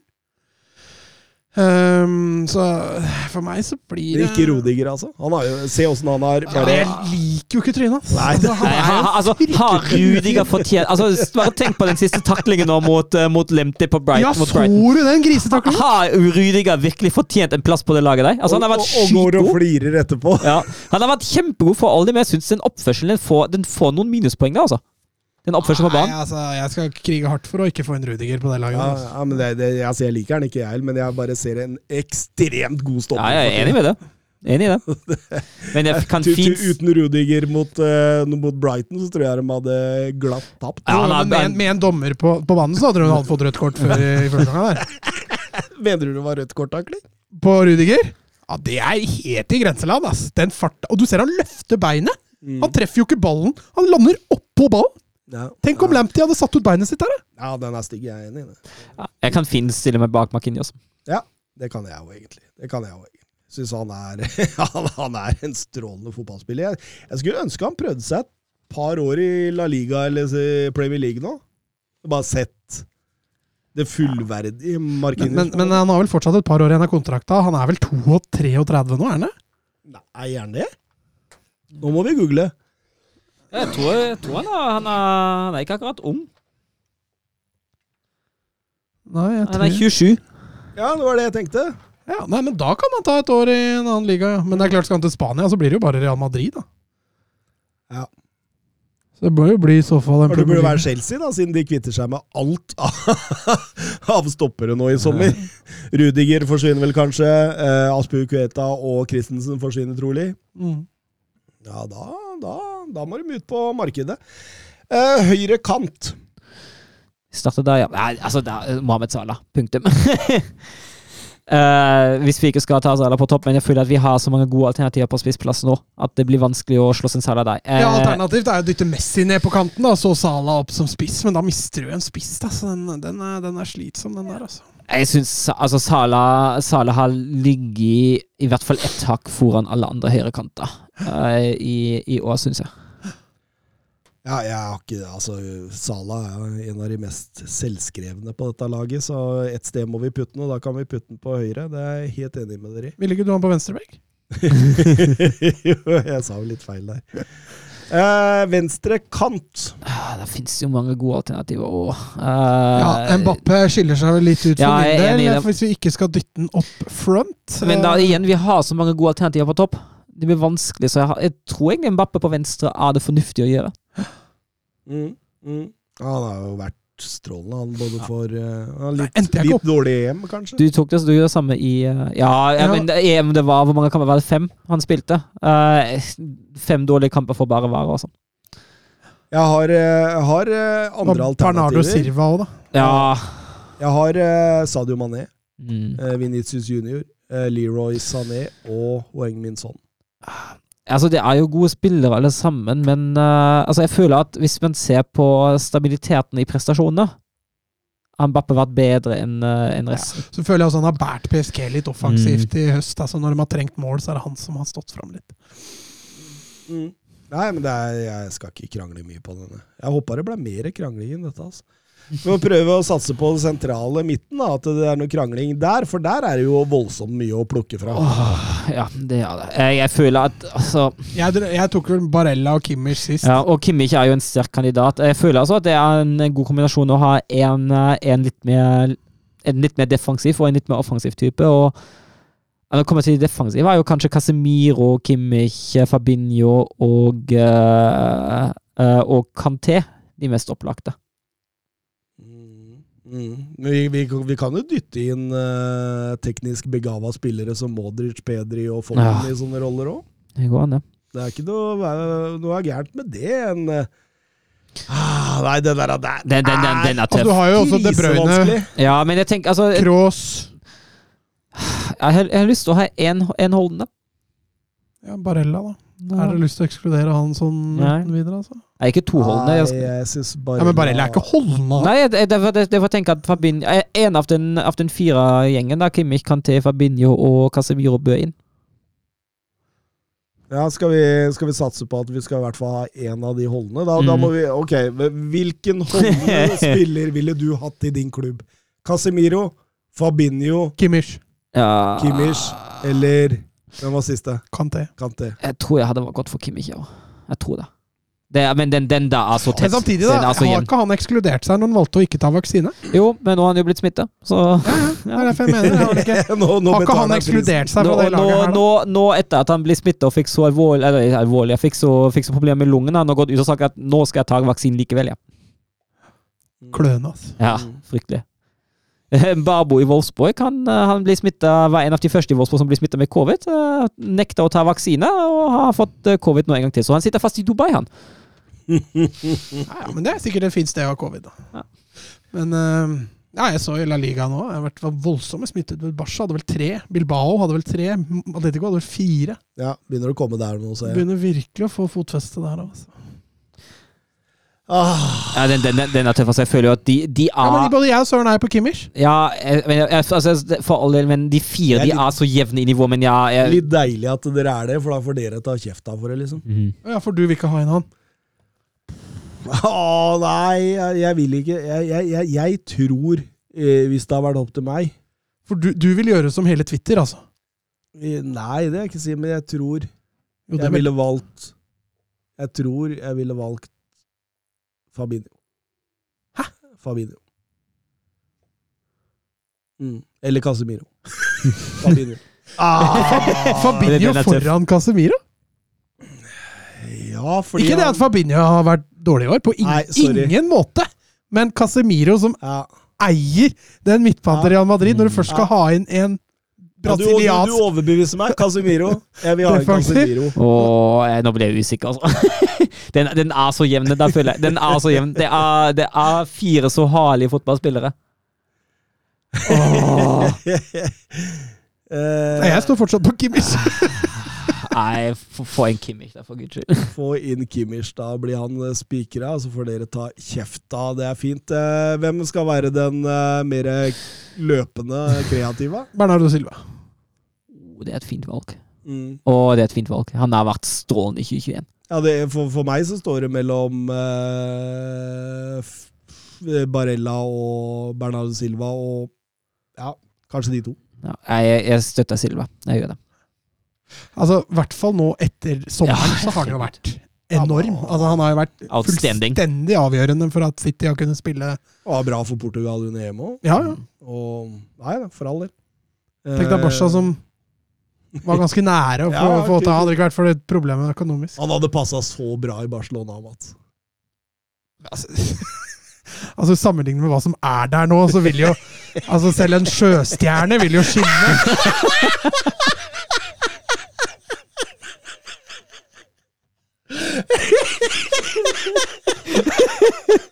En sjøstjerne! Å, du dæven! Nei, men det er fint. Det er fint. Det er fint. Vi tar, eh, vi tar um, angrepet. Ja, det er det en som har spikra, etter min mening, og det er Lewandowski. Han har vært så enorm. Han, eh, han har bare skrevet ned med en gang. Ja. Den er Men grei. Uh, hvis ikke vi setter opp han, så fremstår vi vel som fullstendig gule. vi gjør det. vi gjør det. Men da er jo spørsmålet hvem som skal være ved siden av han. Ja, der er det mange. Haaland, Haaland, Messi, Benzema Benzema Ja, nesten på Benzema, altså. Med tanke på den rollen han har spilt for Real Madrid. Han har, han har frem... Altså, både som målskårer og som assistgiver. Den rollen han har hatt i, i Real, den har vært så enorm. Den har vært så ekstremt viktig for det laget der. Han er blitt dømt nå, vet du. mm, Han ble Ja. dømt skyldig. Mm. Det passer ikke Sørens uh, Nei, moralske men- nei, det gjør jo ikke det, men altså Han er kriminell. Så. Altså, du, du, du vil ikke ha banens beste som har fått rødt kort, men du vil Nei, ha folk det som er straffedømt for utpressing? Nei, det liksom. handler jo det at jeg, det, det er som at jeg reagerer det, det, det, det fins en mørk side av Tyskland. Nei, det gjør ikke det. Det, det, er som, det at jeg ikke gir banens beste til, til røde kort, som regel, det har jo med å gjøre at jeg mener at uh, Altså, det kommer litt an på det røde kortet òg, men at et idiotisk rødt kort setter jo egentlig hele laget på spill. Så en sånn litt idiotisk utpressingssak. Det, det, det, det, det, det er går. ikke nødvendigvis at det er så ille. Du får verdenslaget da. Jeg vet, jeg, jeg fulgte med på fotball-TVs eh, 50 eh, beste spillere i 2021. Og der eh, senka dem Benzema med to plasser for hvert år han hadde hatt etter denne bestikkelsessaken. Fram til han ble dømt. Ja, såpass, ja. Ja, jeg mente at det var den beste måten å gjøre det på. Ja. Men har det noe å si for prestasjonen på banen? Nei, det har ikke så mye å si for åssen fotballspiller han er, da. Det har noe å si for 90 minutter, da, at vi sitter og melder han inn på laget rett etter å ha blitt dømt for utpressing. Ja, Av men- egen lagkamerat. Men Ja, skal, men, men nå har den Ja. ja. men skal det ha noe å si når man har en sånn kåring? eh, altså, Rudiger, da. Hva er Ja, altså, hadde du tatt med Gylfi Sigurdsson hvis han hadde hatt en uh... Men Rudiger fikk jo ikke bli med her pga. ja, Men han er et rasshøl på banen! På banen, ja. Jo, jo, men det er jo nesten bedre da enn at du er en utpresser Ja, jo, jo. Uh, utenfor banen. Jo, men ikke, på, heller- ikke du- når man kårer et Ville- årets lag. Hadde du gifta deg med en fotballspiller, ville du hatt Nei, en som ble ta, dømt ikke ta den Vi, vi, går, vi går ut etter prestasjonene, Altså, da. ville jeg møtt Ville jeg Ja, men da, da burde jo Rudiger være med. altså, Nei, hei, jeg hei. syns jo Markinos fint forsvarer en plass på det laget òg. Ja, men Rudiger har vært bedre og viktigere for laget sitt enn Markinios i 2021. Han vant Champions League, liksom. Han var den som har murt det der jævla forsvaret sammen. Se hvordan han er nå! han er- han er jo- han er du, du, altså, det Men handler det, handler det om at du vil ha en, handler det om at du vil ha en Haaland istedenfor Benzema? Nei, ikke nødvendigvis. Jeg vil ha en Harry Kane. Nei, men, men der er jo også litt, litt uenig. Altså, altså Rudiger har vært enorm som har løfta det Chelsea-forsvaret, men det har Markinios vært i PSG òg. Altså, tar du Markinios ut av forsvaret i PSG, så faller det fort, altså. Det er ikke det samme forsvaret i PSG heller. Uten Markinios så kan vi selvfølgelig diskutere ligaen er sterk, bla, bla. Ja, ja. Men, men uh, Markinios vant ikke ved Champions League, for eksempel. Nei, men Rudiger vant ikke League Ø heller. Det gjorde ikke Markinios heller. Å, den backfiren jævlig Der fort! røyk du så jævlig! Og du, du oppdaga det sjøl, det, var veldig flott, for det gjorde den ikke, nei. Den vant ikke Ligue Ø. Det var det Lill og Galtier som gjorde Mats Granvold. Nei, jeg syns Nei, men helt seriøst. Altså, hvorfor skal vi ha inn en straffedømt person hvis vi ikke liker en som er litt rasshøl på banen? Jo, for å være rasshøl på Altså, Vi kårer jo en fotballspiller på et lag som spiller, spiller fotball. Jo, men han er jo bare rasshøl. Han er jo dritgod, det er dere enige med? Ja, men med Benzema på banen er jo ikke rasshøl. Han er bare dritgod! Hæ? Benzema! Han er jo ikke rasshøl på banen. Nei, men han er jo rasshøl på ute på banen. Jo, jo, men skal det spille inn når vi setter opp et årets lag? Jeg er sikker på det at Hvis vi gidder, finner vi jo dritt på veldig mange av dem. Ja, Messi, Messi har vel, har vel Ja, dømt han for- er dømt Er ikke Messi på det laget, men han er dømt for skattesnusk eh, Ja, for mange. ja, det, det, det går ikke noe utover noen andre enn Messi sjøl og staten, holdt jeg på å si. Det, altså, ja, vi- han er blitt dømt, da. Straffedømt. Altså, Messi er per definisjon straffedømt. Det er Ronaldo vel også, med tanke på skattesnytt, han òg? Var ikke han anmeldt for voldtekt òg, som ble Det plutselig henlagt? deilig å høre hvordan alle 90 minuttene lytter av nå eh, hører på hvem som er det moralske bak dette her, altså. Men hvem vil du ha inn, da? Hæ? Rudiger, du hører jo det! Lewandowski og Rudiger! Rudiger på topp, ja. Nei, altså jeg, For meg da så står det mellom eh, Braut Haaland, Lautaro Martinez og Dusan Vlaovic. Har Vlaovic vært god i hele 2021? Ja, faen. Skåret mål som leketøy. Ja, men, men har Vlaovic vært bedre enn Benzema? Nei, sikkert ikke. Sikkert ikke. Men han har ikke en straffedømt person heller. Nei, jeg føler det argumentet der for å uh, Nei, men Ja, men så- så kan man jo men selvfølgelig- Seriøst, liksom! Ja, men så kan man jo Helt seriøst! Han er drittsekk på banen, så da tar vi han ikke med. Men Men han har, er- syns du seriøst Rudiger har vært bedre enn Markinius? ja, i 2021, ja. Ikke generelt sett som midtstopper opp gjennom åra, nei. Nei, men i Men i 2021, ja. Åpenbart bedre enn uh, Markinius. Åpenbart bedre enn Markinius. Nei, jeg er uenig. Det har ikke noe med at Rudiger er rasshøl å gjøre. Ikke noe med Jeg, jeg, jeg, jeg tror ikke Thomas Tuchel hadde fått til det han hadde fått til i Chelsea uten Rudiger. Jeg tror ikke det. Ikke, jeg tror jeg, Nei, men det- tror du de er hadde fått Kjempe, kjempekrise. Tror du de hadde fått til det samme i PSG uten Markinios? Altså, det blir jo Ja, men Se de laga som ligger langflate etter Rudiger nå. Bayern München, Real Madrid. altså det... Ja, men det tror du ikke de laga hadde ligget langflatt etter Markinios hvis Ja, han det kontrakten hans hadde gått det ut? tror jeg. Det tror jeg. Nei, jeg ser Det det blir vanskelig for meg å få inn Rudiger på et lag, ass. Med Benzema, da. Ja, altså, men det har jo Ja, det men det har, har litt med fotballspilleren å gjøre. ja, det har noe med at den fot fotballspilleren Rudiger ser vi uke, uke etter uke hvor drittsekken er på banen. Ja, det er jo for så vidt greit. Man liker jo å ha drittsekker også, men uh, jeg- Markinios er jo en bedre fotballspiller. Har vært det i 2021 nå. Sier du det? Mm. Altså, det kommer litt an på, da. Skal, Altså, skal, 90 minutter, skal 90 minutter spille kelkefotball, eller skal vi spille fotball? Han vant ikke Ligue Ø. Han var skada i store deler av eh, Titler! Vær så snill, vi kan ikke avgjøre det på titler. Jo, fordi det Nei! sier jo litt om hvordan man har murt igjen bakover der, da. Ja, men en enkel Altså, Hvis Messi hadde spilt for Fugla, da hadde han vært uaktuell da, for et sånt lag Nei, de hadde fått De hadde vunnet Eliteserien. Ja, Fugla var et dårlig eksempel. da. Hvis Messi hadde spilt for Newcastle. Ja, men da har det om- noe om eh, hvordan han hadde løfta Newcastle fra å være Ja, dumpekandidat til å kanskje komme Ja, men omtrent midt på tabellen. Titler var jo en viktig argument for deg. Hvor viktig er du for din klubb? Ja, og, og da ekskluderer jeg Markin... altså, Nå blir det jo dårlig å ekskludere en av dem, da, men Marquinhos er jo like viktig for sin klubb som det Rudiger er. Salah har vel ikke vunnet titlene heller, da. Nei, men det, det, det handler om hvor viktig er du for din klubb. Ikke sant? Hvor, hvor, hvor, hvordan du liksom på en måte har Men det kan man ikke måle i titler, hvor viktig han er for sin klubb, da. Men hvis klubben din, som er desidert eh, størst i Frankrike, ikke vinner ligaen engang, så har det jo ikke gått voldsomt bra baki der. Det er, ikke, det er ikke gått etter planen, men det er vanskelig å, å utpeke at den beste midtstopperen eh, med god margin i klubben skal ha skyld for det. da. Ja, men jeg, jeg tror dere lever litt på navn. Jeg tror dere lever litt på navn. Og utseende. Jeg, jeg, jeg, altså det, det er veldig lett å si at Markinios er bedre enn Rudiger, men se bak hva de har levert, så er jeg ikke sikker på det. Nei, men Marquinhos har jo ikke Altså eh, jeg, Marquinhos har ikke vært dårligere enn Rudiger i år.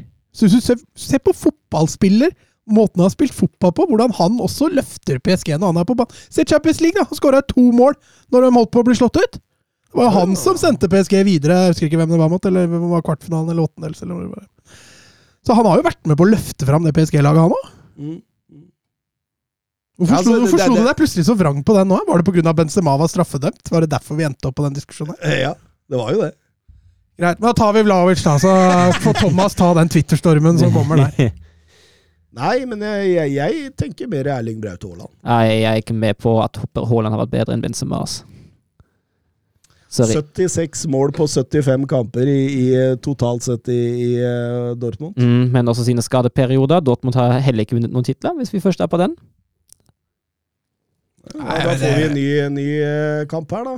Nei, men jeg er jo enig. Altså, hvis vi skal legge det at han er straffedømt, så er det klart da er Benzema uaktuell.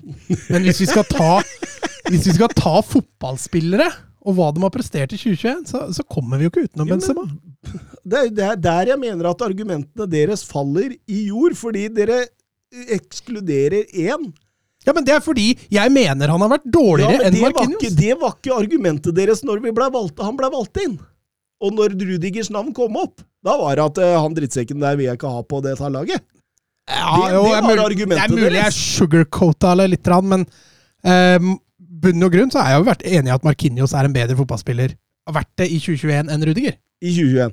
Ja. der er jeg uenig med deg. Mm. Altså, Jeg mener at Markinios har Altså, vært en bedre jo- for forsvarsspiller i, enn Rudiger i 2017, 2018, 2019, 2020, men ikke i 2021. Men, men hadde Rudiger vært, hadde oppført seg bedre på banen, så kan det hende han hadde scora høyere i min bok òg. Det kan hende jeg er litt blinded pga. oppførselen hans på banen. Men samtidig så er det vanskelig å komme utenom det Markinios også har gjort i år. Hvert- Nei, nei, men jeg har jo gått med på Markinios uh, baki der istedenfor Rudiger. Men jeg bare sier at eh, At uh, det vi At eh, hvis vi skal kun måle etter etter eh, eh, prestasjon, og ikke ut ifra hvor mye man liker personen og sånne ting. Kun prestasjon, så mener jeg at Rudiger kunne vært foran Markinios. Men Da har... mener jeg også at eh, Erling Braut Haaland hadde vært foran eh, Benzema. for bare prestasjon. Haaland har prestert bedre enn Benzema. eh, ja, på prestasjon, ja. Nei, det er jeg uenig i. Jeg mener at Benzema har prestert bedre enn Haaland. Med Ja, altså Haaland har jo vært veldig viktig for Dortmund. Jo, for all det, det er det ingen tvil om. Men jeg også er fortsatt på Benzema. Altså. ja. Nei, men da tapte jeg begge to, så jeg tar med den. Men da, da, da får dere ta Twitterstormen. Det blir en, det blir en storm, altså. Ja, det, det må det jo bli. Hvis vi, hvis vi velger ut Rudiger og putter innpå Benzema på årets lag her, da Skal ikke Benzema spille stopper her, da? Jeg, jeg står ikke for den moralen, sånn at dere veit det. Nei, men det gjør søren. Så jeg har, jeg har moralens vokter på min, på min side her, så Ja, vi får se hvor svart det, det bildet blei. Eh, da blir laget som følger. Eh, Courtois keeper. Eh, Trent Alexander Arnold høyrebekk. Venstrebekk Joao Cancelo. Markinios og Rudiger. Ruben Diaz. Rudiger. Hva kan vi gjøre da Rudiger istedenfor Diaz? Nei, for det, han har ikke vært bedre enn Diaz. Eh, Salah høyrekant. Mbappé eh, venstre kant. Eh, Kimmich og Silva. Faen, hvor mange kamper jeg har tapt her! Hvem er det du har tapt tapt så, nå? nei, så jeg ville ha Casemiro istedenfor Kimmich òg. Du ville ha Fabinho først, da. Ja, ja, men jeg ville hatt han også foran uh, Kimmich. Eh, Lewandowski og Benzema på topp. Ja. Mm.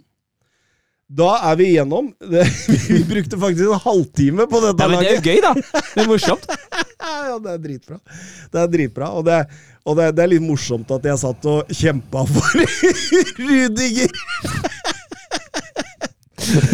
Spilleren som jeg liksom har hata i så mange sesonger. Men eh, Men altså, Det er vanskelig å være uenig med deg at han har vært superbra og viktig for Chelsea i Han er jo 21. Altså, Det har jeg ingen problemer med å se.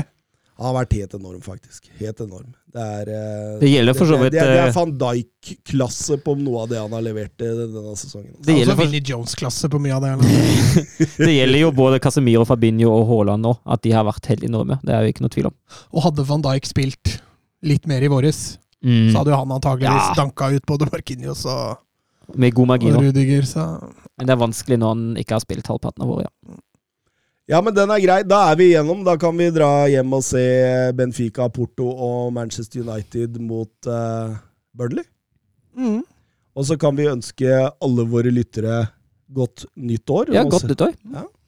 Vi ses over Happy New Year. Over? Ja, det blir vel en ny episode som vanlig på tirsdag, det. Vi må jo det.